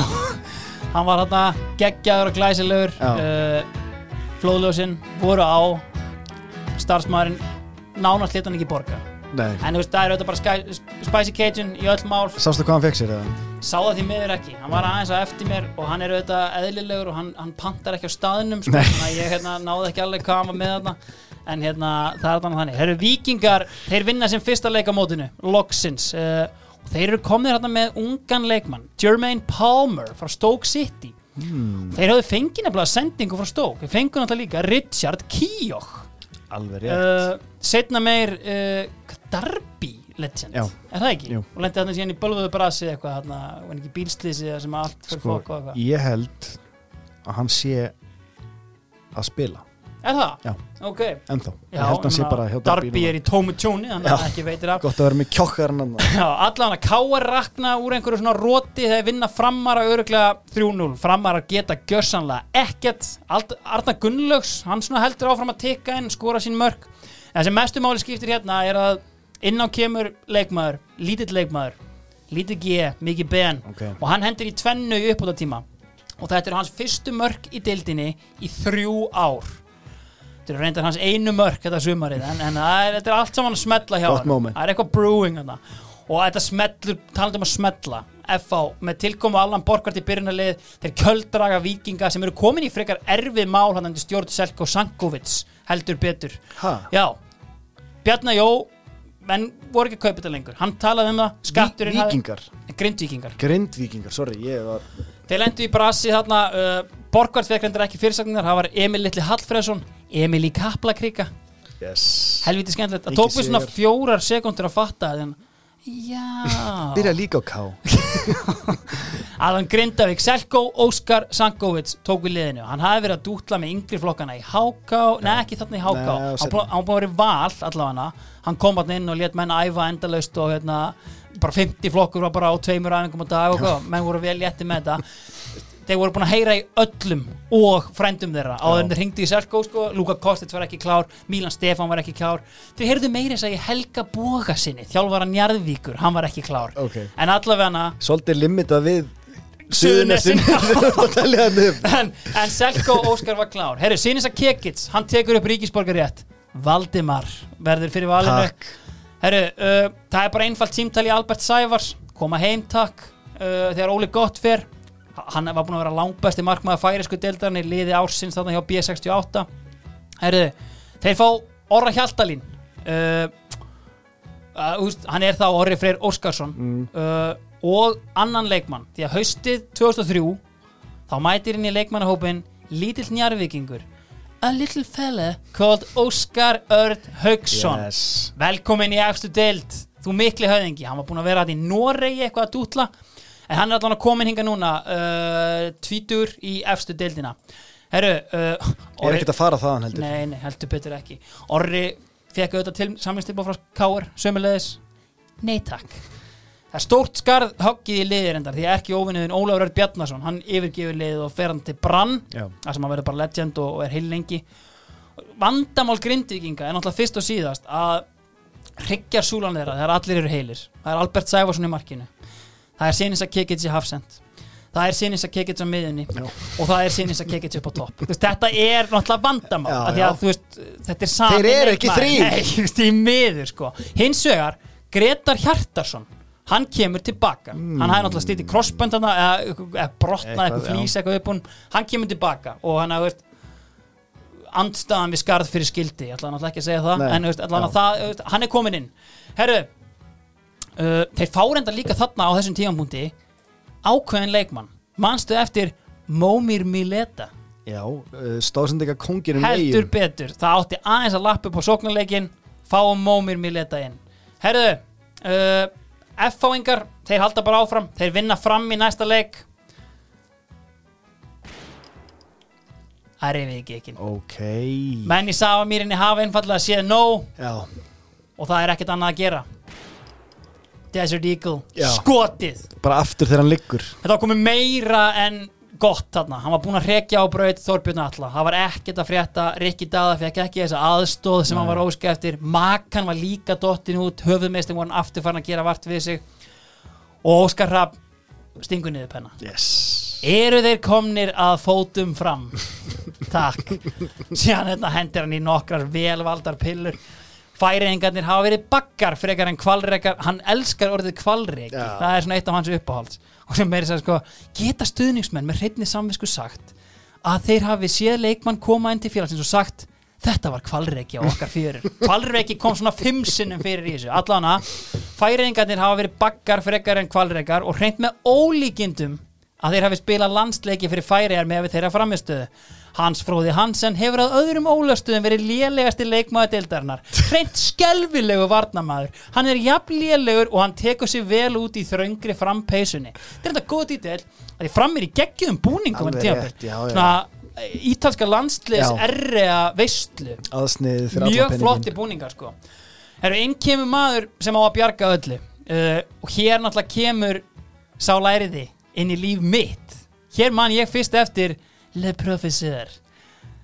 Hann er fenginn inn frá AGF og hann á að bjarga málunum hann uh, Hann kemur inn í líf okkar allra held ég þetta kemur, ég er bara sko. eitthvað ok, hérna ertu mættur sköllóttur og geggjaður hver ert þú Já, já. og mann pappi, já, góð leikmaður var, var, í landsliðinu og eitthvað svona og ég svona, ok, ok, búin að hangi í eitthvað, en hann byrjar að taka til veist, hann færir Club Legend Dada Guðmunds niður í hægri bakkurinn, staða sem hann síðan eignaði sér lengi Mhm. og hann setur ungan hafsendin í liði sem að rúmenin hafi lítið notað, Kristján Haugsson Já, en það er vantarlega vel tengt annar vel lærður þarna að- koma við. Og við þetta skána þetta aðeins hjá frömmurnum.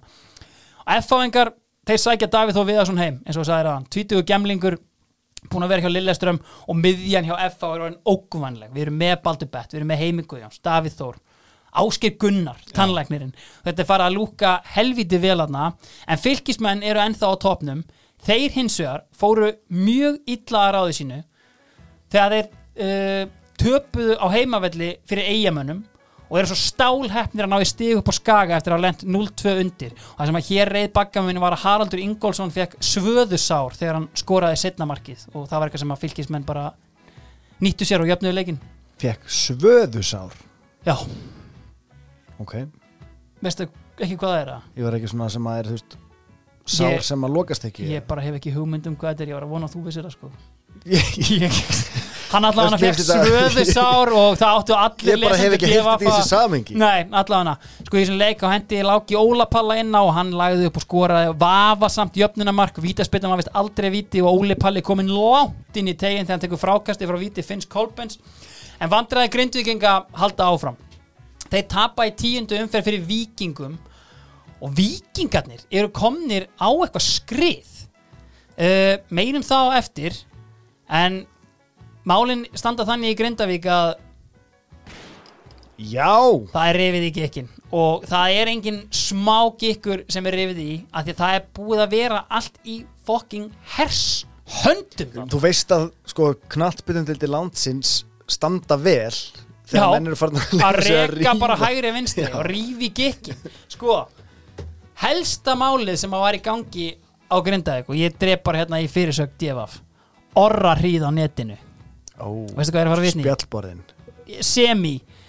Einhverju hluta vegna þá komust DFF-menn í bloggsíðu Orra Freys Óskarssonar síðar með Hjaltalín. Alveg rétt. Og hérna hér verð ég eiginlega bara að taka nokkur direct quote. Hann var búinn að við halda þessari bloggsíðu heil lengi út og hérna og, og þarna var hann bara að láta gamming gjörsanlega geisa hérna er bara, hérna er sko orri um Þorvaldi Örlíksson, orri um Selko Sankovic orri um Jóhannes Valdirsson Dómara orri um æfingu hjá Grindavík, orri um Blöndós því litt löggu bæli hérna á þessum ógeðslega stað. Þetta er hraðahindrun sem ætti að jafna við jörðu og ekki bætir úr skáka villi villi síslumæðurinn hérna hann toppar þetta heilaleysa bæjarfélag.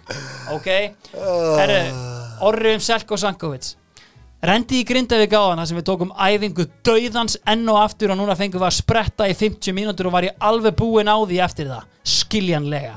Það mætti halda að maður var að undirbúa sig fyrir landsmótið í frjálsum því maður ekki séð fótbolta í allan vetur heldur bara endalaus hlaup og styrtaræfingar að hætti júkana hann er bara ekki að fatta það það er allt og mikið álafa okkur að æfa nýju sinnum í viku. Við erum ekki atvinnumenn herra Sankovits þetta er sko ummæli frá því löngu áður frá Prísísson og enginn búin að garfi í þessu á hátegisæfingunni let þjálfverðin okkur spila fótbolta berfættir. Því lít rugg ég verði enda að taka undir það. Það er helvitis mikið rugg sko. allir að drepast í löpunum enda bollandi grjótarðir og svo að skýta kuldi. En maður sagði ekki neitt því maður að reyna að fá smá frí um helgina. Punktur, punktur, punktur. Það var haldinn 70 mínúta krísufundur í Grindavík í dag um gengi liðsins í sumar en árangurinn er langt undir væntingum bæði leikmann og stjórnaframanna. Við komum fram með ymsar tillögur sem Selko harneitað að taka tillit til og held ég að rassinni á honum sé að verða ansi heitur um þessar myndir. Er þetta Óskar Rappn þú veist, hvað er maður að lesa hérna? Síðan eftir leikamóti Keflavík Það sem er minnistæðast á þessum leik er engin annar en Þorvaldur Örlugsson Því leikur drullu hali og auðmingi Nei. Jú, jú, síðan bara eitthvað Það ætti nú að senda svona menn til Sierra Leone í þrælahald í nokkra mánuði.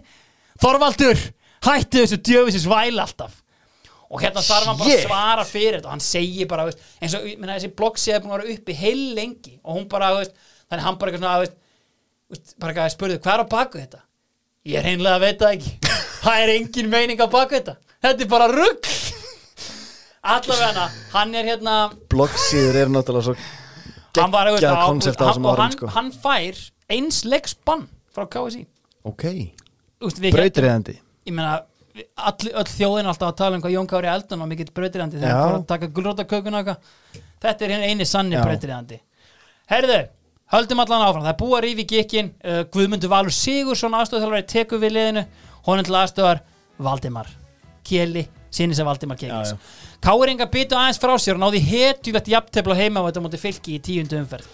Þessi verið helst minnst fyrir Magna Mark Sæfast og Gíslasonar, það var svona svipað og Haldán Gísla hafi skorað árinu áður. Uh, svona sending utan af kanti og mætti auðvitað í vittal til leik og sagðist að vera að skjóta, hann var alls ekki að skjóta hann var ömuleg fyrirgjöf sem að sildi hann í samskeitin Stórleikur 11. umferðar er þegar toppliðin fylgir og FA mætast stáli stáli jöfnum leik en á 53. mínútu skaut Ginger Giggs upp sinum rauðharða kolli Emil Litli Hallfreðsson skoraði sigumarki og kemur FA á toppin í fyrsta skipti á tímabilinu þessi umferð verður reyndar helst eftir fyrir fyrirsagnir Devaf enn og aftur Já, hvað er með það? Rauða rakettan réð ríkjum. Henry Birgir með neglu ég verða að segja það. Rrr. ég og ekki alveg að mánaði með sko hérna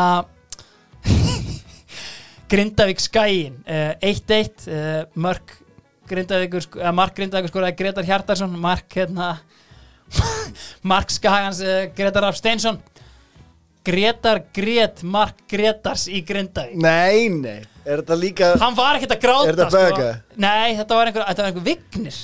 King Vignir sem var hérna, skemmtilegt nafn. Hann hérna en fyrsta verk hérna Guðmundar Vals var að hérna. Þetta, er svo, þetta er svo try, tryhard sko. Einu sinni enn. Gretar Gret Mark Gretars í Grindavík. Ég myndi halda að þetta væri einhver Mark Gretars hérna en allavega hana, Guðmundur Valur Sigursson hann hendi síns að kekja til hafsendin aftur. Það þarf að múra fyrir, við þurfum að já. stig byrjum þarna og reynum Klókt. að byggja upp á öðrum stöðum og færum hann síðan til þegar við getum. Herru, í lokin á öðrum þriðjungi komu óvantistu úrslit sumasins uh, profesorinn hann er farin að skrifa kabla í nýja bók. Uh, þeir fara upp á Skaga Skagin var fyrir leik með besta varnaskor deildarinnar 0-4 einhver versta útreið Skagans á heimavelli í mörg ár og bara örgulega í deildinni.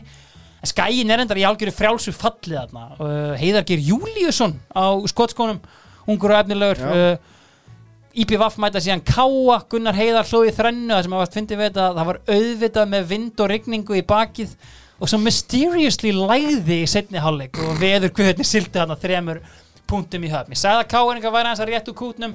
Þannig Kjartan Henry byrjaður. Hann þarna Ok. komst á bræðið í byggarnum og hann er búin að skora hann í einhverjum þremuleikjum í röð uh, og þeir vinna hann en, en sko aðalmálið er að vikingarnir eru á glórulausu rönni.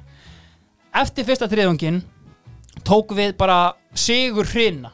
Vinna þarna fjóra leiki og gera eitt jafntefli og það er Jermaine Palmer sem er allt í öllu Ok. og hann mætast þessi lið sem eru einhvern veginn að rétt úr kútnum K.R. og Víkingur og Egil Atlasson gegn sínum gömlu félögum K.R.ingar ætti að fara að líta hans í eigin barm með bara svona Já. hvaða eru margir að skora gegn sínum gömlu félögum á móti K.R. Sko Það er bara líkurnar er þeim í Þú ert líka bara búin að búa til svo mikið af leikmönnum sem að upplifa bara alltaf vendetta þegar þeir mæta í frostaskjóli Herru, Egil Allarsson kemur viking yfir kjartan jafnametin og allt í öllu á vítapunktinum Arnar Gunnlaugsson með sigur markið í uppbóta tíma Við erum samt einhvern veginn farnir að nálgast krísu hérna í Vesturbænum svona að einhverju leiti og þessu aðeins að rétt úr kútnum. Willum gerir hérna fjöldan allan tilbúðum í Gunnar Heiðar markaðasta mann deildarinnar hvorki Gunnar í IPVF neitt áhuga á því þannig að það, hérna, það flöut bara áfram sko. En við loka annars þriðjóngs eru framarar enn á botninum en eru búin að nálgast liðin fyrir ofan sig? Káa í frjálsufalli í nýjunda sæti. Eins og allir sveitn orðaði eftir tapi við Viking við erum bara á raskatinu. Það var hár rétt hjá honum.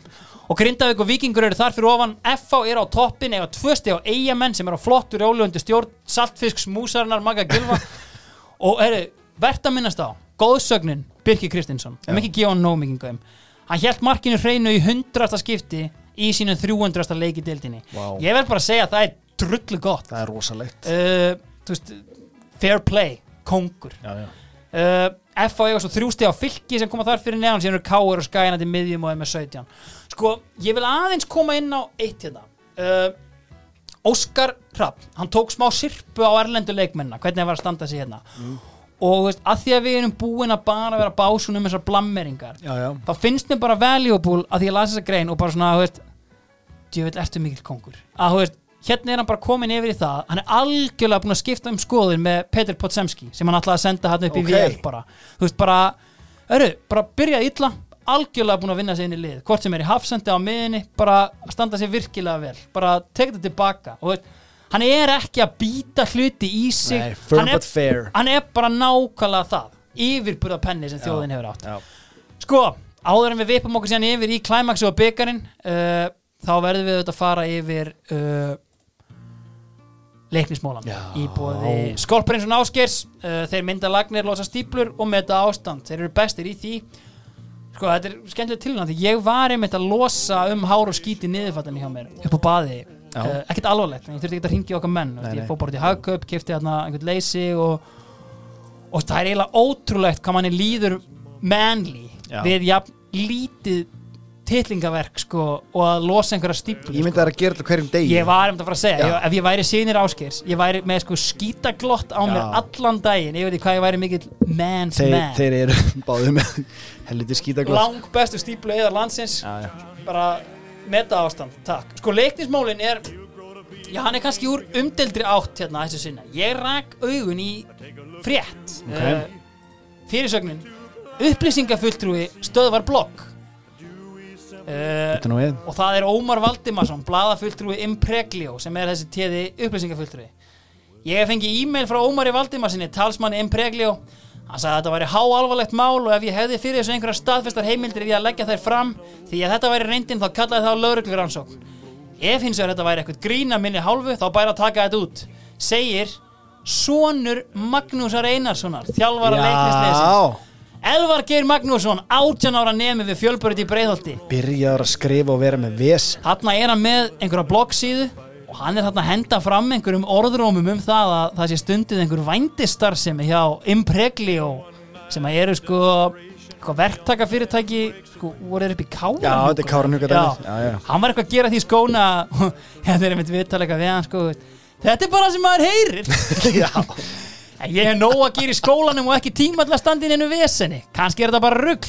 Það er hvort þið er ekki fyrir hann að batman.is linka á síðuna mína sem fór að streyma lesendum minn á bloggið. Elvar bakkað út með þetta auðvitað. Já, ég meina, það er ekki play. hægt. Fair play. En sko, Algjörlega. Blogg-konseptið er að ná hæðum hann. Við þurfum líka sko í framtíð þáttum að fara eins yfir batman.is. það er geggjað koncept sem að Elvar ger grætti á þarna sko. Sem var svo B2. Já, ummi, það var ekkit vesen úr þessu en hérna, Þetta er hrigalega skemmtilega leiknismál ég, ég var hérna eiginlega handið sem að hún kæmir og myndi slengja andlutin á mér sko, í andlutin á mér 2004 sísoninu sko því að það er er það einn sorgar saga? Já, Nú, já, já, hérna- ok, getur þú farið með okkur yfir það eða? já þetta var rauninni bara einfalt sko við erum í kom, nýlegar í annar dild Já, erum á toppnum allt mótið í annar deild. E, þangað til í loka umferðinni þangað, þá vorum við ekki á toppnum. Það er svoleiðis. úrslita leikur, leikur í loka á móti Víkingó á heimaðalli og það er tap.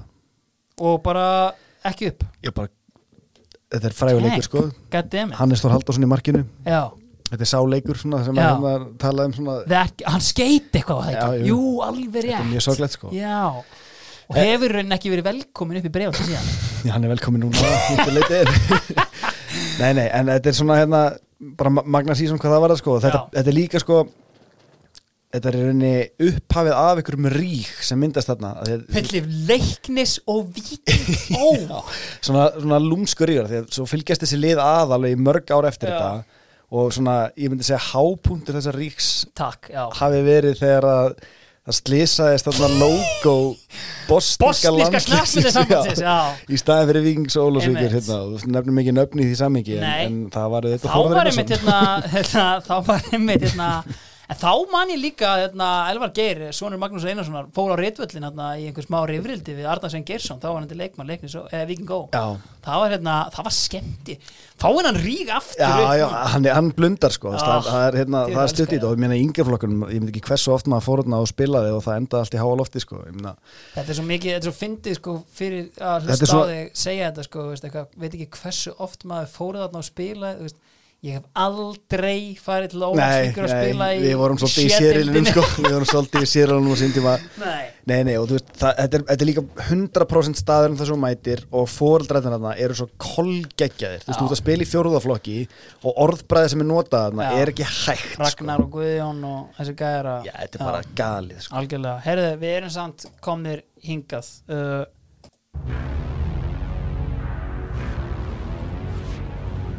það er klæmaksið og byggarinn takk Vestlunamanna helgin, hún er gengin í garð og keflugingar ganga á lægið yes. Þeir fá fylgismenn í heimsókn og þeir vinn ekki leiki eftir Vesturumar helgi. Fjögur tvö. Ætla þessir menn aldrei að læra neitt. Þetta eru þeir reyndar á einhverju svona, þeir eru að, þeim er aðeins að fatast flugið þarna. Uh, sko vikingar gera þarna ótrúlegan díl þegar Siggi Jóns dregur sinn gamla félaga Mihailo Bíbersits á lappir. Hann hafi verið að spila með stjörnunni en yfirgefið þá í mikill fílu og er eitthvað vist að setja út á að hann væri ekki alveg í standi. Og hann sæna bara við vikinga uh, það hins vegar þeim var ekki kápan úr því klæðinu hann spilaði engan leik, hann hefur ok. ekki verið í neinu standi sko. en vikingar eru svona þú veist, þeir eru búin að vinna fullt af leikjum en það er samt stress í og þeir sanga að þessi leikmenni fá að einhvern gaur, hvort hann spila tvo leiki fer aftur, þetta er í algjöru volli hjá þeim. En allavega hana uh, þeir vinna samt keflíkinga uh, uh, eru komnir í 2-0 eftir 25 mínútur. Uh, nei, fyrirgeðu það bara alls ekki ávöxt þeir komast í 2-0 eftir 25 mínútur. Viktor Bjarki í þvílíkum ham fiskaði viti og skoraði. En hérna vaknar Bjarkvætturinn gjörsamlega, Ok.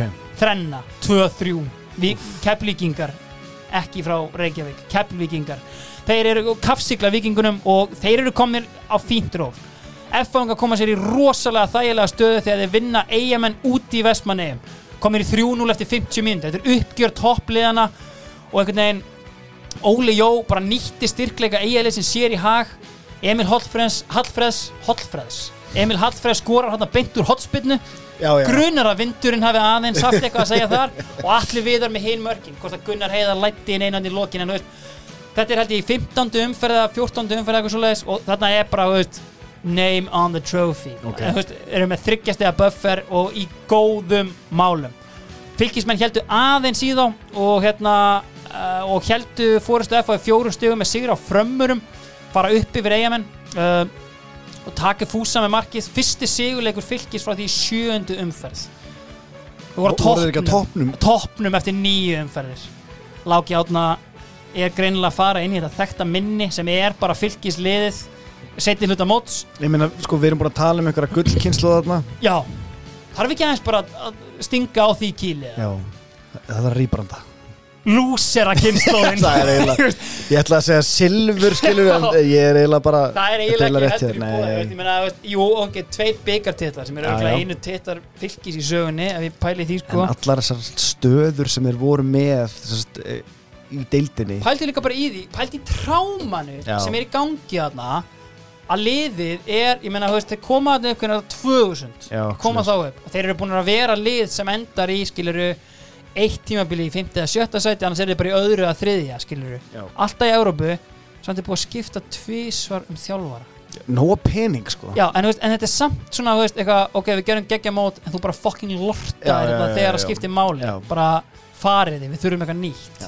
veist, þeir þrá árangur en einhvern veginn, þú veist lúsir. Nei, ég segi svona, þetta er ekki lúsir. Þetta er ekki, ma margir af mínum bestu vinum eru fylgismenn Nei, en þetta, veist, þetta er þetta er samt ótrúlegt Já, þetta er náttúrulega ungur klúpur í, í þessu samingi, það er ekki einhver hefð og eitthvað svona Engin hefð náttúrulega, Þetta en- var þeirra En ég myndi halda, ég meina eins og káringar bara hérna um árið, bara pallalegur, pallalegur, pallalegur, pallalegur, á endanum kom þetta. Já, já, það bara því miður kom ekki hjá fylki. Allavega eigamenn uh, þeir missa þarna toppsætið ja, missa þarna af F-fangum aðeins fyrir fram að sig komin í þriðasætið þeir rúllaðir yfir Keflavík. Einsi Dan og Gunnar Heiðar allt í öllu valsmaðurinn Einsi sett upp eitthvað síningu þarna loksins, hann var þetta búin að vera helviti segur. Hann fór þarna fekk frjálsa rullu. Hann er náttúrulega bestur í tíun það var sem við valsmenn vissum og, og ætluðum að nota á hann The. Snake stakk okkur í bakið þarna. Nei, við reyndar hendum honum eins og hver hann er kúkablei Herðu, uh, og aðra umferðin í röð reyndar í þessum 2-5 sigri á Keflavík þá fá eigamenn á sér mark úr hotspinnu Mér finnst eiginlega bara magnað, nógu magnað að sko það sé að koma tvö mörk í tveimur umferðum úr tveimur hotspinnum Já. sko en allavega allt að sjálfsögðu. Nei, þetta var reyndar í Keflavík sko þannig að þú veist, Gummi Steinars skrúar hann upp í vinkilinn. En á sama tíma þá ná F-fáinga bara jafntefli upp á skaga. Þannig að munurinn er þrjú stig. Mm. jafntefli er sem þetta ekki það sama og jafntefli. Þeir lenda 2-0 undir. Borkvært minka muninu meðan setni hálfleik. Jónas Rauðgrani Garðarsson, Já. jafnar metin. Sko, þetta er svona mistara jafntefli. Já, ég veit já, ekki já, hversu mörg svona jafntefli ég sjá hjá United hérna uh, Golden Years, Já. skilur bara, veist, við þurfum bara að harka út einhver stig við erum hérna undir á móti Blackburn punktur, þetta er meistara punktur allavega uh, ekki fyrsta skipti í sumar sem skæin er að missa niður fórustu taktíkerinn. Hann er ekki alveg að valda þessu. þetta kannski að vera meira upp í háskóla samfélaginu að ræða við Ármann akademíuna. kennaran hans Ármann Smára og fleiri góða. Herru, uh, í sömu umferð þá mæta grindvikingar í frostaskjólið og gera endanlega út um vonur káering að gera eitthvað í þessu móti. Arnar Gunnlaugs og Sigurvin Ólafs koma káir í 2-1 í fyrirháleik eftir að Big Ray Anthony hafi komið káir yfir.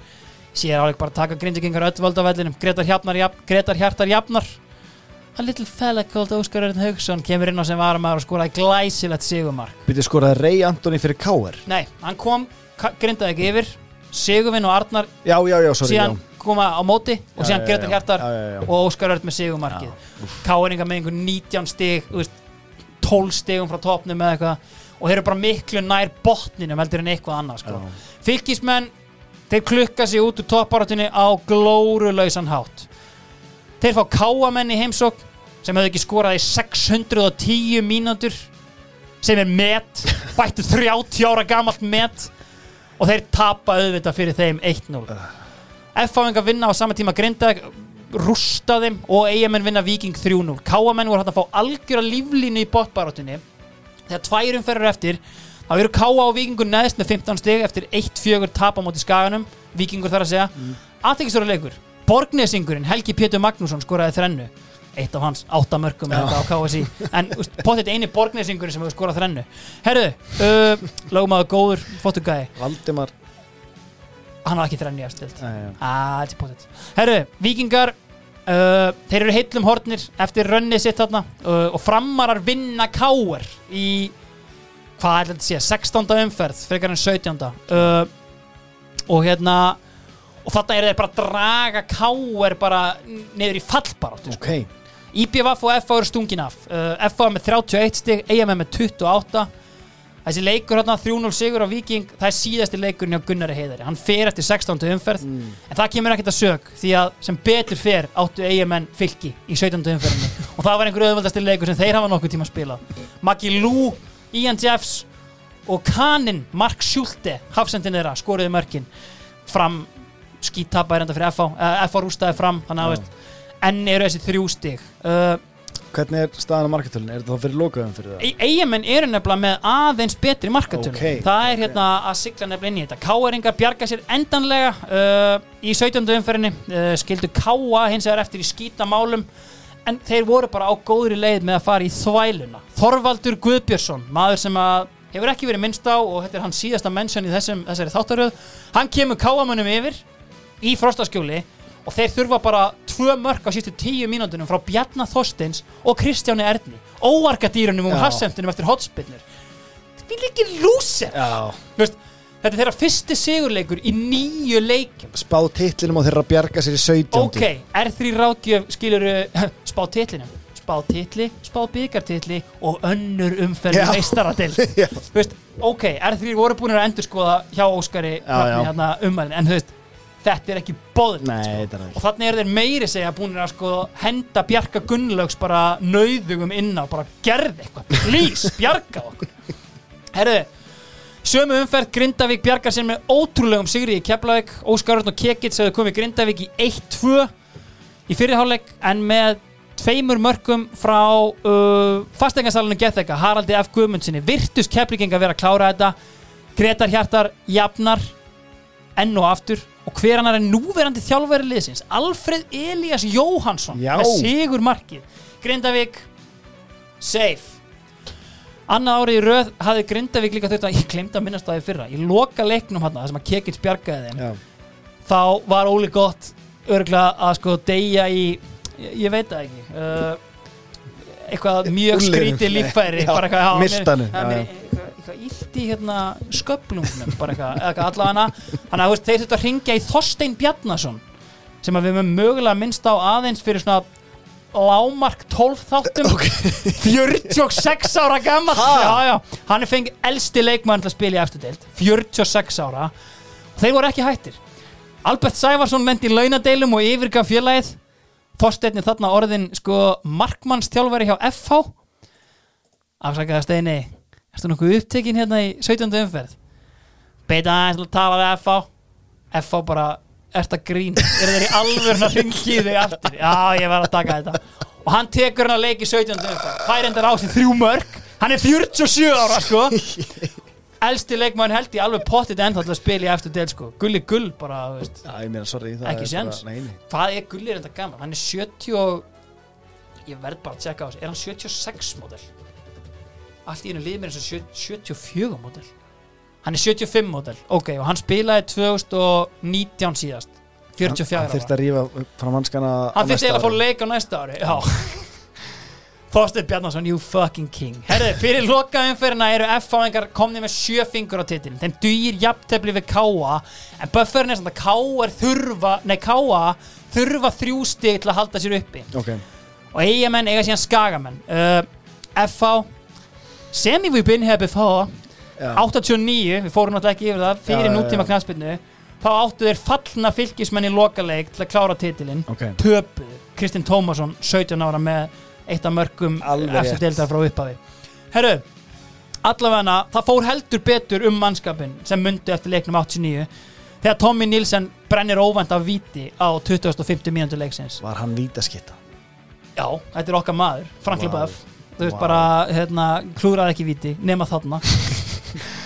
En það er ekkert mál því að Rauðar Rakettan kemur þeim yfir seinti fyrir áleik 1-0 uh, Þetta er eins og ekki búið. Hreitt litli Hringsson hleyfti spennu og jafnaði leikin er samt, þú veist Við erum bara að stoppa hérna Því sko, við vitum að, þú veist Ég sagði að hann eigamenn er að mæta skaganum Upp á skaga Það er bara eitt lið sem fær að taka á mútið titlum upp á skaga. Já, já. We've been here before. Þannig að þú veist, skagamennu auðvitað vinna þennan leik 2-1 Það voru reyndar Já, held ég engir frændur neittna þarna í eigamennum sem Óli vildi sérstaklega stoppa sko. En þetta var engin spurning. Júlían fann einhverja afsökun og hendi tvö mörg Þannig að þú veist, það var aldrei neina þessi áþreifanleg spenna Svona fyrir hlutlösa manni Því eigamenn voru aldrei yfir. Þú veist, Þeir eru bara, að klára þetta strax einhvern veginn Káamenn hins vegar eru sorglega nálægt í að bjarga sér sko.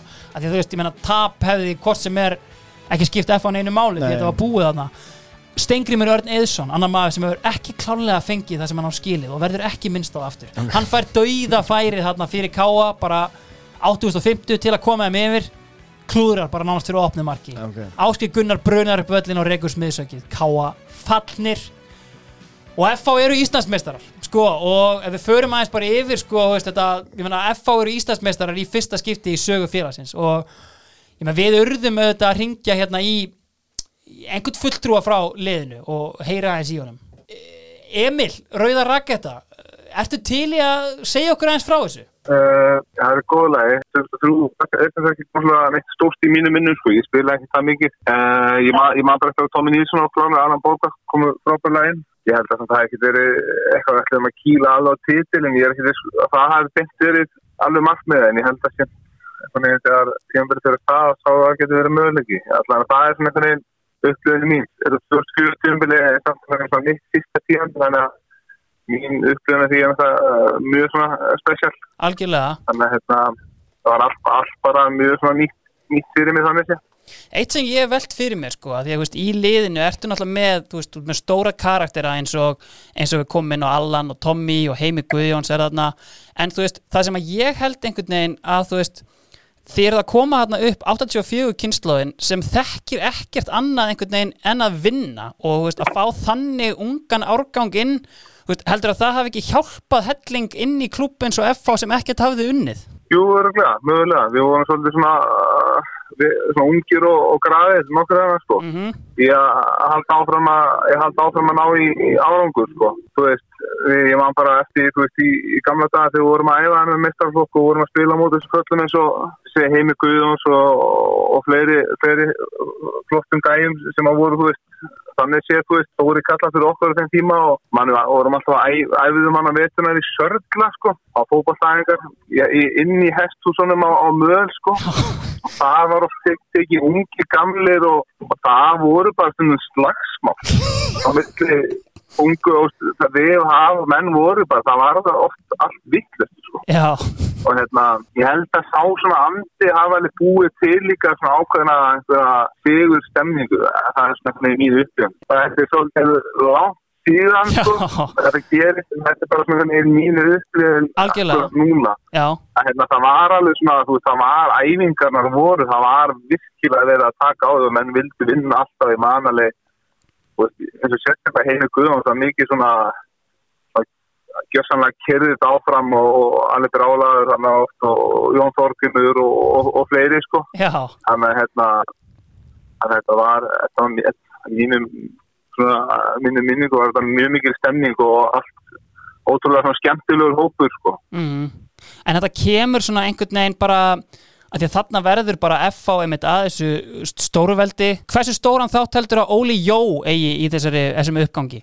Já, hann var bara klálega sinn þátt, er þetta að segja hversu stóra hann, hann var hann var bara hann þátt sem að vinna ditlan í og Já, ég meina, það, það er klálega hans þáttur og ég meina, svo eru náttúrulega fullt af leikmennum og öðrum mennum sem hafa komið á baku þetta sem hafa líka náð árangur með klubbin skilur, svo því kjálfari kemur heim í Guðjóns og, og, þú veist, þannig að hérna, þetta, þetta er bara gekk allt rosalega vel á þessum árum og voru, með, voru bara með flotta leikmenn og flottan hóp og, góða þjálfara sem að sem að ná að skila þessum titlum í, í, í hérna í krigan og gera þetta, þú veist, jú, þannig sé að svona stóru veldi, fattaru, mm því allt í hennu var eftir orðið, þú veist, við vorum búin að, eftir að búin að vera í svona svona strökla áður, við varum búin að vera í næst þessu deild og þú veist, Mhm. þannig að hérna, en náðu klálega að rífa þetta upp og, þú veist, ég meina, ég held að með þess að ekki gleyma mönnum á bakveit eins og Jón Rúnari og, og Viðari sem að algjörlega hafa kert þennan klúb áfram, þennan klúbkjössan áfram, sko, mm Þannig að það má ekki, má ekki glemma þeim, þetta er ekki bara leikmennur og þjálfarinn, það er hann aðri menn líka. Og fullt af öðru góðu fólki sem er auðvitað að glemist alltaf að nefna.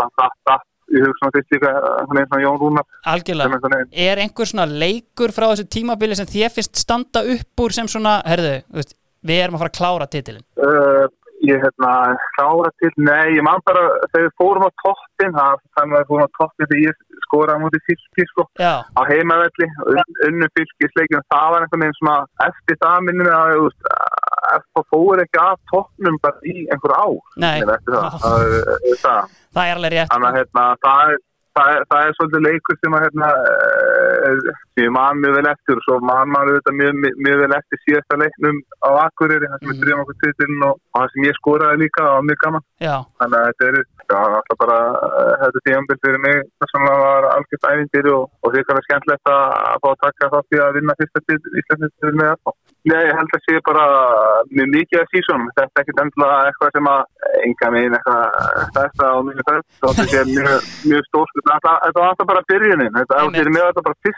var fyrir var tíambil, alveg tíambilið mitt og ég náði bara að vinna strax Íslandið og fyrir mér var þetta bara geggjast auðvitað og frá á þenn tíma. Mhm, og þá var þetta eitthvað svona upphafið og þetta var svona upphafið að komast í aðdæmum fyrir Já. mig.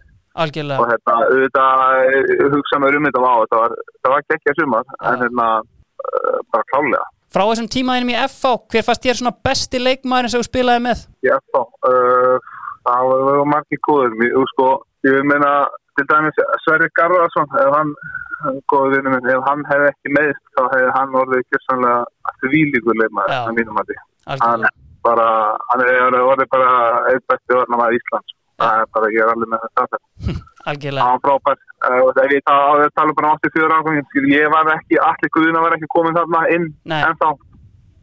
Sem verður náttúrulega síðan frábær. Uh, það var alltaf mjög, mjög, mjög gott að spila með uh, mann eins og heimi Guðjóns sem svona lef mann heyra og, og reyð mann áfram og, og þetta hérna, var svona lítirinn í þessu liðu sínum tíma. Mhm, Uh, þá voru þetta margir, margir flotti leifmann, skemmtilegi karakter og flotti leifmann. mhm Þannig að hérna, kannski erfitt, og auðvitað Allan Bogart og, og Tommy Nilsen, Daninu voru alltaf mjög flottir okkur og við höfum mjög gaman að ungu görnir að bögga Tommy með hinn og þessu.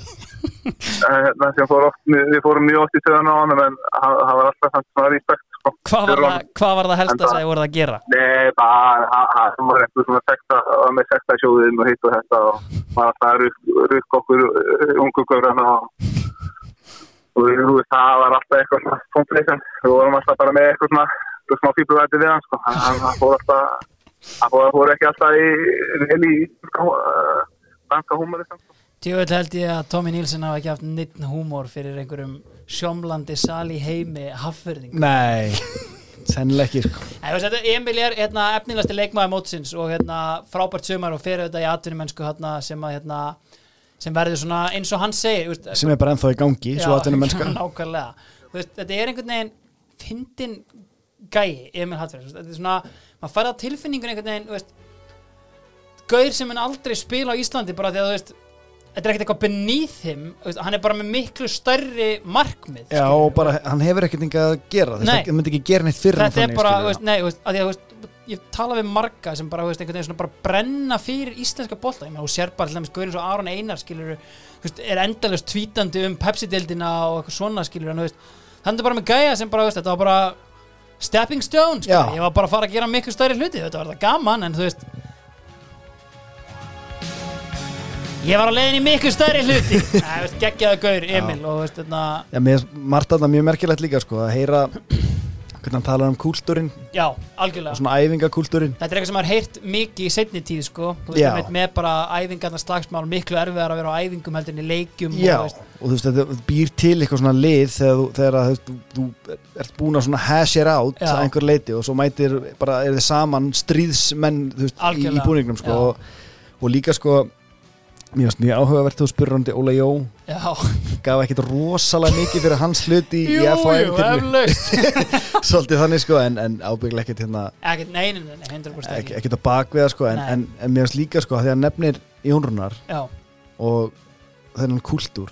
Mhm, það er ekkert einn sama sami hörku kúltúrin í stjórnarherbygginu og já, í dótinu Já, það, já. það er svona kannski á hans að ætla að spoila hvernig næstu sísón fara Já. en þú veist, þetta er, það er eitthvað svo Emil er búinn að því FH er ekkert að fara á toppnum næstu árin. Nei, veist, það er eitthvað svona þetta endist af því að þessi Já. kúltúr hann, hann fór ekkert. Nei. þú veist, og það var fullt af nýjum leikmönnum og þú veist, hérna þeir, þeir endur nýju liðið alveg bara reglulega en og það er alltaf með samt gaurin sem voru tilbúinir að öskra og fæta á æfingum sko. Já, heldur betur. Herðu, það þarf samt eitthvað lið að fylgja káamönnum uh, niður. Og það er Vikes eða Fram Framar er eiga Keflavík í goddamn, nei ekki eins og í goddamn Keflavík. Það er á laugadalsvellinum ok.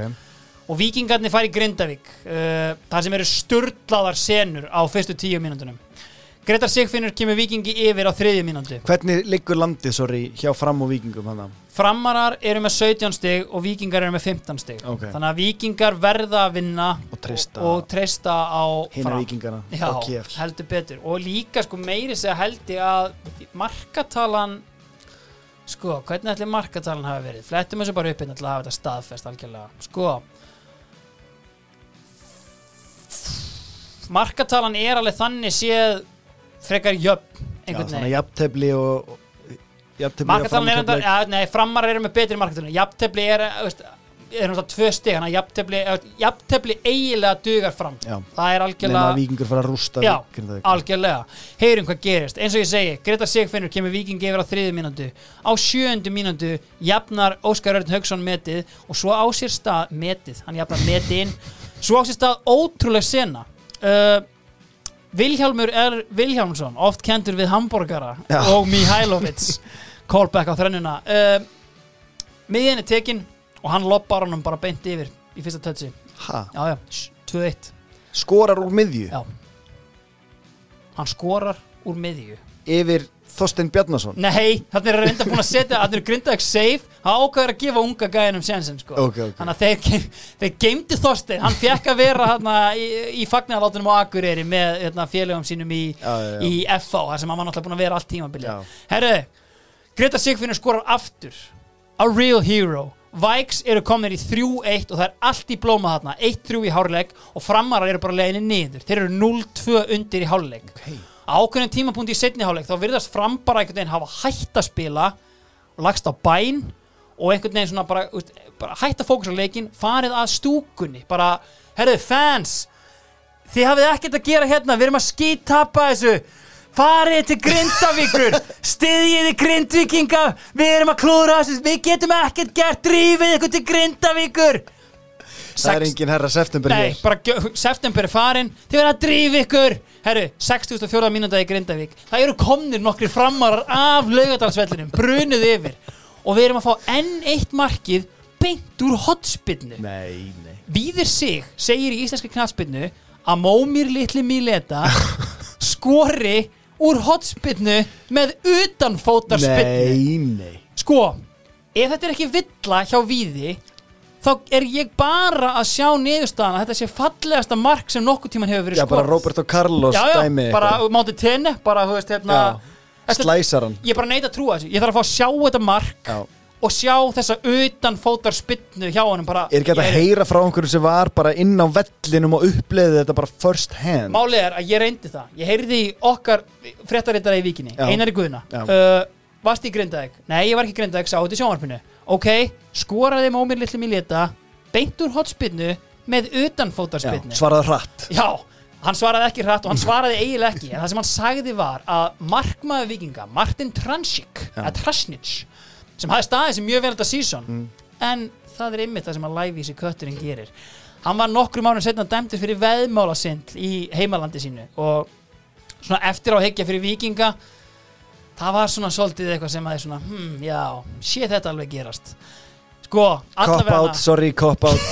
Ég verð að heyra frá einhverju sem var á vellinum. Það sem að gerist allan er á 87. mínútu Gretar Hjartar jafnar. Hvað er ég búin að segja þetta oft í Já, þessum þætti? þetta er Hann jafnar metin Víkingar fara niður Framarar búin að senda alla stöðnismennar sinni í burtu Lokatölur á laugadalsvelli 1-6 Nei, Því líkir Aumingjar Þú veist þetta er svo skítugt. Fymta eða sjötta árið í röð eru þar að halda sér uppi í lokaleik sem þeir hafa nú vanalega unnið og kláraði þetta einhvern veginn með sæmt og eins og Óskar Hrafn hefur sagt fagnaði eins og Íslandsmeistar á lögadalsvettinum sko, changing of the guards í ákveðnum efnum. Nýtt stóðsendingamett í einum leik. Soran Ljúbisits leggur upp fimm mörg Já. Og þetta er Þórarinn Kristjánsson að raða hann inn og hausthörður, hausthörður það er komið haust, laufin farin að falla og hann finnur marka mark, markvöskana eh, netmöskvana Já. að gera púað á stöðnismenn framara þessar fjóra sem voru eftir hinn voru að fagna í Grindavík. Það var ekki púið á stöðnismennina Nei, af, já, þessi fjóri stuðnismenn sem hafði ekki Já, haft til að keira til Grindavíkur þeir algjörlega púið sko, ég heyrði í hérna uh, Þorbirni Alla aðeins með þetta einhvern veginn, bara svona að því ég spurði fjalar út í það svona hvernig var fyrir ykkur að mæta fram sem hafa been there before. Og veist, ég ákvað að heyra bara aðeins í hérna í Þorbirni, veist, hvað þetta varðaði svona hans tilfinningu fyrir þessu. Þú svona, þegar þið eru komnir í mestu drulluna þarna ár eftir ár, upplifður með árunum bara svona we've been here before, þú veist og alltaf svona meira og Já. meiri hefð fyrir því að bara, heyrðu, þetta er alltaf að fara að klárast. Já, bara absolutt, það var bara ekki, það var ekki, það var ekki, það var ekki sjens að getum tapast í þetta leik. Það var bara ekki, það var útilokað, það var algjörlega bara, það er bara eins og mútið þrótti, þróttur í það, veist, það er bara, þú veist, þeir eru ekki, þeir eru ekki sjens. Siglum þessu alltaf heim, keflaði þar á undan. já, einmitt. Eins og við heyrum, þú veist þetta var mindsetið sem að ég vildi svo mikið fá að heyra, bara, veist, ekki eitthvað já, þú, auðvitað er náttúrulega eitthvað við bara gýrum okkur saman og þjöpum okkur. Nei, absolutt ekki fræðilegur. Að við værim að fara niður, en þannig hlýtur þetta að virka, þú skapar, við erum þér er tíðrætt um hefð, Já, já. Þú skapar þér hefð. Þeir eru bara orðin meistarar when you've been here before þá er þetta ekki flókið Bara fræði. Fróði og Sam, þeir eru búin að lappa ring eftir ring Þeir eru alltaf á sama staðnum. It's because we've been here before. Herri, uh, sko Þannig að sniðstan er auðvitað svo að vikingar falla. Ásamt káamönnum Takk fyrir eitthvað framlega káamenn Sjáumst eftir 20 tætti já. Herri, uh, bara to sum up á þetta. Uh, Já, förum bara fyrst í byggarinn Byggarinn Ok. er hérna rólegur. Uh, Káa mætti FH uh, og þeir hemdu fyrir það að hafa verið sendið niður. Erum eru við- spilaðar eftir mót. Hvar eru við komnir í Við byggarinn? byrjum þetta í undanúrstum Já, bara, já, já. mikið tíma fyrir meira, við erum að sigla þetta yfir tryggja tíma markið. Sko, Hreitlilli Ringsson skorar greinileg. undanúrstaleggin eru líka spilaði bara eftir mót. Já, á, ok, ok. á lögutalsvelli, allt búið og bara beint Ok. eftir. Já. greinileg Íslandsmeistar að þinga í FH-liðinu Ok. Alan Borgvart með flensu. Mm, einmitt. Svo er Sverri Garðars í banni Heimi Guðjóns í tómu tjóni gefur þeim markið. Og sko, þú veist allan að káamenn geta haft eitthvað haldreipi hérna fyrir þetta hörmulega sísón sitt. Ok. Ekkert sérstaklega merkilega leikur hinum en Keflinginga mæta háká Gunnleifur Gunnleifsson búin að rífa sína menn upp í hæstu hæður og leifa Evribjörn Kópa og að dreyma. Hann varði án aflátt Hver er að þjálfa hákáðuna? Sorry, ég sé að setja það í umlega stöða því ég veit að þú ert að fletta upp. Ég held að það hefði verið Gunnar Guðmundsson. Já, hérna bara Gunni Þíski Já, bara drilla og hérna varnarleikur. Já, en hérna það allavega gekk ekki. Jóhann Björnsson, leikmaður HK uh, var fyrir því Ólan að skora sjálfsmark á 11. mínúti eftir skot frá Skatei og við erum þar með yet again með all landsbyggðar final. Tjúvillin sterk í byggarnum þetta er ótrúlegt. Sko HK hefur enda sko, gert gott mót. Þeir slógu skagan út, þeir slógu byggarmestarina út í Ok. bara þarna, þriðju umferðinni. Keflaði gaf henni fylki og hann var auðvitað post vestunum með helgi með jú marki frá bjargvættinum.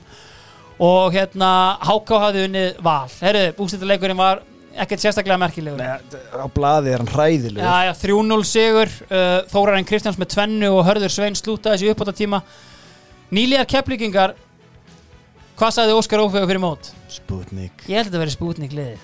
Neglir þetta enn og aftur. Hann hefur ringt í gögnin. Og hérna getum við alveg minnst á eitt. Uh, Þeir eru fyrsta liðið í sögu byggarkeppninar til að halda hreinu alla byggarkeppnina Það er mjög nett. Vel gert. Hver er aftur komin í markið? uh, Hann hérna, Óli Gott En Na. nákvæmlega Spurning samt hérna, Óli Gott var samt Það voru Já, já. Það hefur kannski einhver annar tekið hérna einhverja leiki sko. Bjarki Guðmunds, var hann að það eða? Nei, hann var náttúrulega búinn að flakka þannig að farin í KR og eitthvað, hefur ekki bara tjekka á þessu fyrst erum jú, lengur komnir bara, yfir tíma hérna, jú, skoðum bara strákar. hver var í markinu úrslita leiknum uh, maður sjá, Come on, Óli. 2004 Come on, Óli. Mér sýnist sem svo að síkingin hafi grasserað í olbúganum Nei. Óli Gott er ekki í liðinu. Það alveg rétt. Það var held ég búið að leysa hann undan samningi þarna. Mysteriously að sko beðinni forraðamanna keflingingur og hann hendi sér í ennsku utan dildina þannig að það farið aðeins nær heldur en þess að 500 Já, km hérna á já. tíma. Allavega hana toppmaður Óli Magnús Þormar 20 markmaður uh, sem setja mig spilaði mikið með vikingi Já, hann hérna, hann sildi þessu heim sko, geitin hjá Keflaði þetta síðan er klálega Stefán Gíslason. Og reyndar sko, þetta er besta tífambili hjá Þórarni, Bjargvættinum. Já, Þannig þeir tveir svona svolítið bera þetta og auðvitað bara ungt og spennandi lið. Spennandi að fylgjast með þeim á næsta árum. Já. Herru, uh, annað, bara eðast sömum þetta bara upp. Markakongurinn Gunnar Heiða Þorvaldsson sem kveður okkur í bili 12 mörg í 16 leikjum. Gretar Hjartar fær silfurskóin og Þórarinn Kristjánsson með sitt besta tímabili markaskorun bronskórin 10 mörg ég ætla ekki að fullir það en ég er nokkuð viss um að Gretar Hjartar sé hér með að vera fyrsti leikmann til að klára the treble. Já, brons, silfur, gull. Ótrúlegu leikmaður. Í Hann er- nútíma fótbolta. Já, í nútíma fótbolta. Uh, Ég var alveg til í að fá leiðrættingu á þetta ef það er hérna, en ég held Ég að hugsa að hötti maggan þannig að ekki nútíma fótbolti sko. Nei, ekki nútíma fótbolti. Nei, hann á, hann á hérna þrjágull sko í röð. Já, Það er hann sem á. Já, deildónum reyndar einu sinni með Gumma Steins. Já. Höldum að svolítið til haga. Já, Sko, uh, F á Íslandsmeistarar Eyjamenn í öðru, Skæin í þriðja Keflavík í Európa gegn byggarinn Sá besti Finally Redemption með hemdar líkamann sinn Já, Heimir Guðjónsson. Við höfum talað mikið um changing of the guards. Hérna erum við bara með gæja sem er búin að vera með okkur frá upphafi. Já, besti leikmaðurinn 2004 Heimir Guðjónsson Hann neytar að taka þátt í changing of the guards. Hann Já, ætlar ekki að skipta um hann er ekki búinn. Þeir verða þarna. Já. Var það skipti? Nei, Sá efnilegast eins og ég komin á hann rauðar rakettan uh, Sko, eitt samt í þessu. Já, sem ég bara svona forvitið með. Já, ekki hafa það of langt Nei, nei, sko, bara fyrir mér er sko svona stærsta eða fyrsta getur við sagt Já, front 3, því vorum að ræða um daginn með 4-4-2 og eitthvað svona, þú veist, Þetta þetta farið í eitthvað Dominus tríó eða? ég svolítið sko. Ok, flott. það er Jón Skarani, Já. Jón Þorgrymur og Allan Borgvart. Mm mér finnst þetta að vera einhvern veginn svona front 3 en svo er ég að hugsa sko, ef Emil er að spila slattan er Emil að spila hann á miðjunni Nei, eða? kantinum.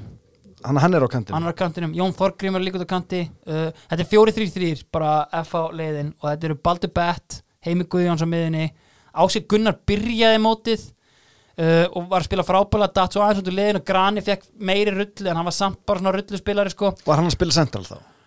uh, Mér- já, finnst já, hann já, hafa- hann er, hann er í tíunni. Nú, ok, mér finnst hann hafi verið út á kanti já, aðeins að dútla eitthvað potið svona flæðandi, en bestur í tíunni.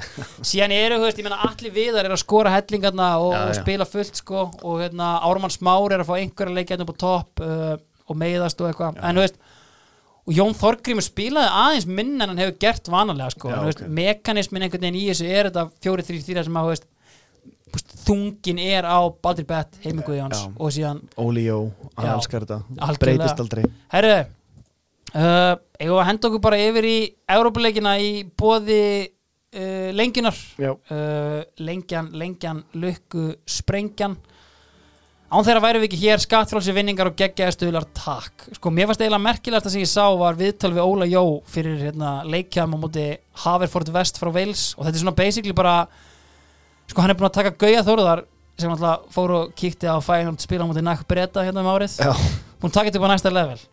Það er mjög gott að fá fyrirleikin úti því að við vitum nákvæmlega ekkert um þetta lið. Þá vonandi vitum við eitthvað fyrir settileikin heima ég veit þetta var bara eitthvað firmalið já, herru, fylgismönnum er hent út í fyrstu umferð af Gent.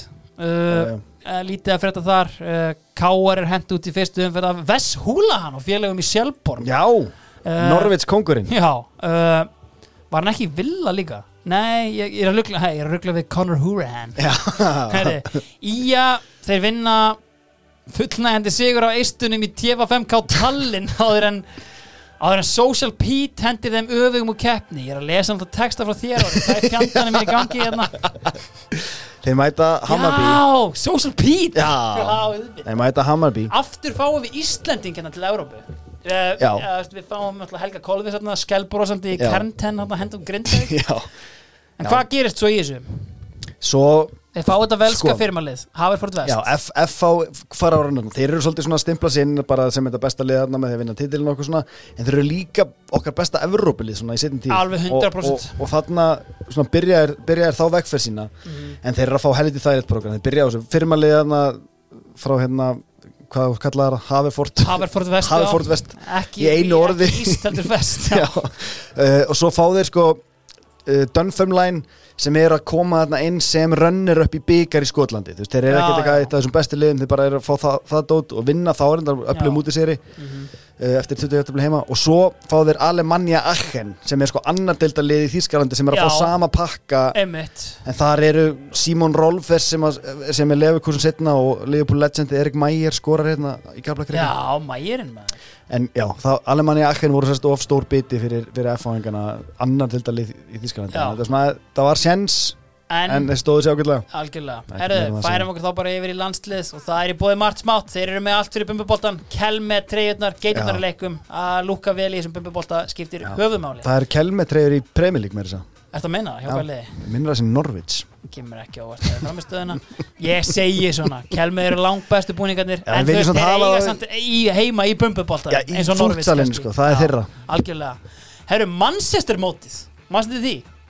já, Við erum fengnir þarna sem einhver svona, einhver svona pep game fyrir ennska landsliðið er þetta ekki það sem að við erum með Social Pete kviknar er það ekki, Er það? er það ekki þarna í þessu leik? Ég veit það ekki sko, Ah, en potjett förum við. Já, algjörlega Rúna Kristins leggur skóna á hilluna uh, eftir þjóðverðarleikin en kemur og fær kveðjuleik Það er tvöfaldur kveðjuleikur Ísland-Ítalía þar sem auðvitað wow. eftirminnilega áhöröndametið er slegið og sko ég tók eftir því að Egert Magnússon fekk þessa hugmynd að þessu áhöröndameti út frá Metallica. Hann bara sá hérna já, herruðu, ok eru 18.000 manns klárir í að mæta og hlusta á Enter Sandman? Fá ítalina hérna takk og bætum þetta pallaleik Já. og sko það er helviti skemmtileg saga frá þessu sko, ég reynir bara með tvo móla hérna með landslið Já. áður en við stútum þessu og það er þetta sagan frá þessu Ísland Ítalíuleik ég fyrir á hennar leik. Já. uh, ég fyrir seint á um síð ég var eiginlega ekkert að nenna á þetta en síðan bara ok, við erum að fara að slá hérna meti hjá Val já. uh, Valur Benfica, ég verð að vera hérna. Og kaupi mér svona miða á pall já, 500 kall. Sem mæti hérna allt og seint og hérna ég þarf að standa einhvers staðar í séki raskat. Þannig ég sneika mér upp í stúkuna. Og þetta er sagt í gömlu gömlu stúkunni. Já, og ég sest í tröppurnar upp við hérna VIP svæðið mm, og þar sit ég bara kortir í leika eitthvað. Eða minnur, tímyndur leika eitthvað. Síðan rampar ég líta niður eitthvað og virða fyrir mér einhvern anskotan hana, og, og síðan allt í hennu líti ég upp og þá stendur við hliðin á mér. Eða svona aðeins, hann er svona komin upp tröppurnar inn í stúkuna og er svona leitandi einhvern veginn. Þetta er Jose Mourinho. Sæll hann er þarna að fylgjast með Eðismára og hann er mættur og ég kveiki auðvitað strax á því hvað er að gerast. Hann er að leita að inganginum í VIP stúkuna sem er þarna við hliðina. Hann sér þetta sætin sín uh, þau eru mert þarna, þau hljótu þá að vera þarna. Hann fer alveg upp að stúkuna þess að ég er stend. Já, ég hugsa með mér ég verð að segja eitthvað við hann. Já. ég verð að fara af þessum leik hafandi sagt eitthvað við Jose Mourinho. Já, special one. Það sem gerist auðvitað er að ég ákveð að standa upp og ég svona hrasa á hann. Sorry, sorry. Yes, yes, no problem. Sorry. Og ég auðvitað mæti í skólan á mánudeginum. Þú tókst viljandi hras. Já, já, Ég, ég viljandi hrasaði og ég hrasaði nánast í fangið á honum.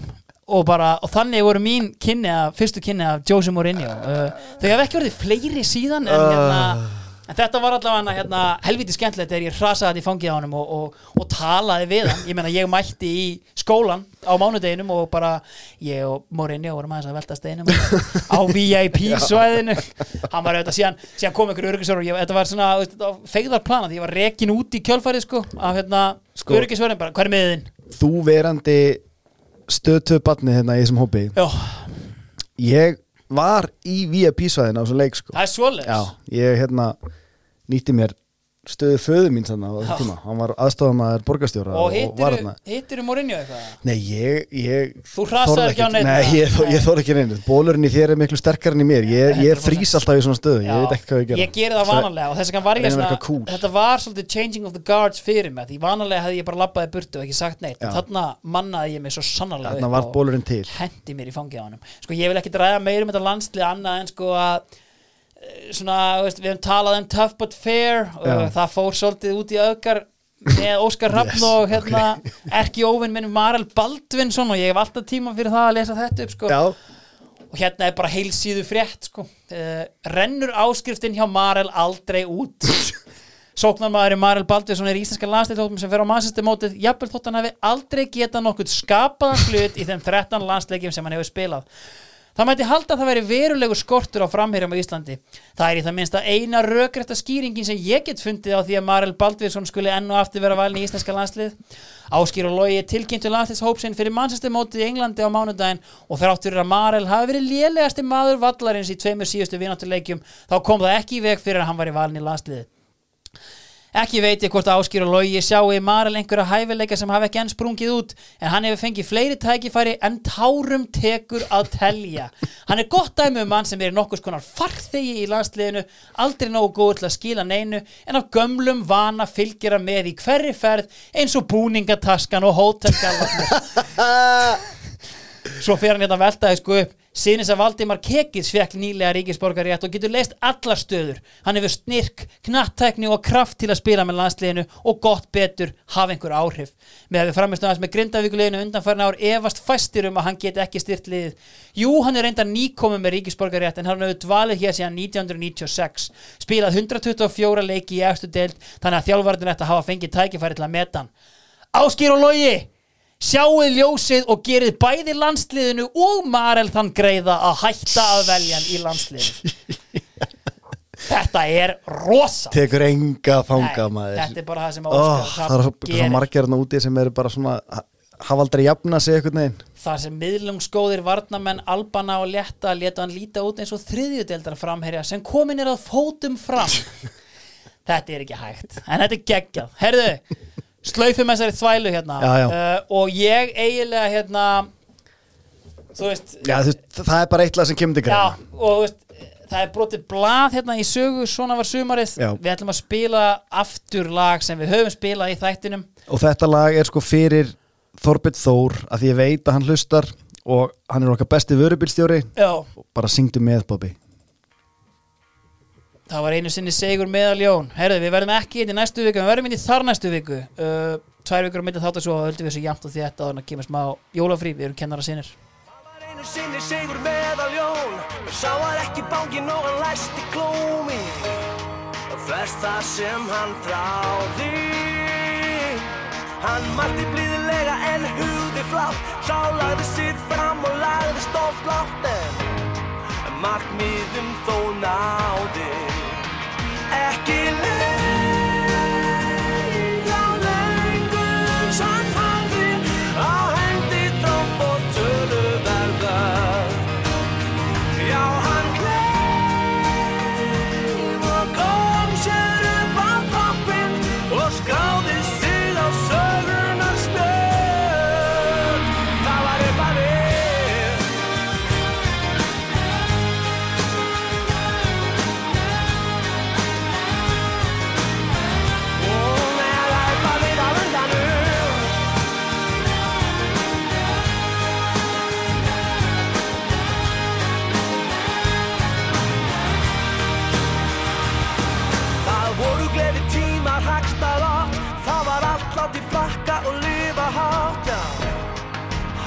var herra heimur.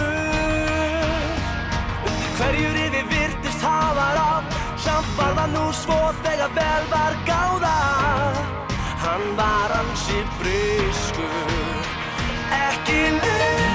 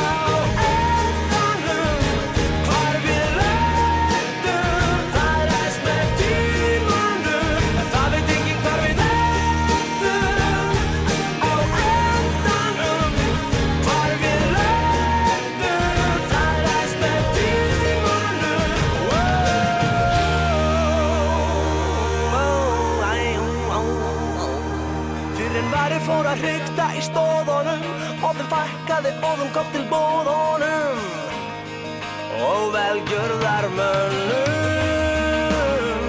okkar maður hafði snúist heilan ring og hann styrir sér á dínu í örvæntingu. Og síðan reys hann upp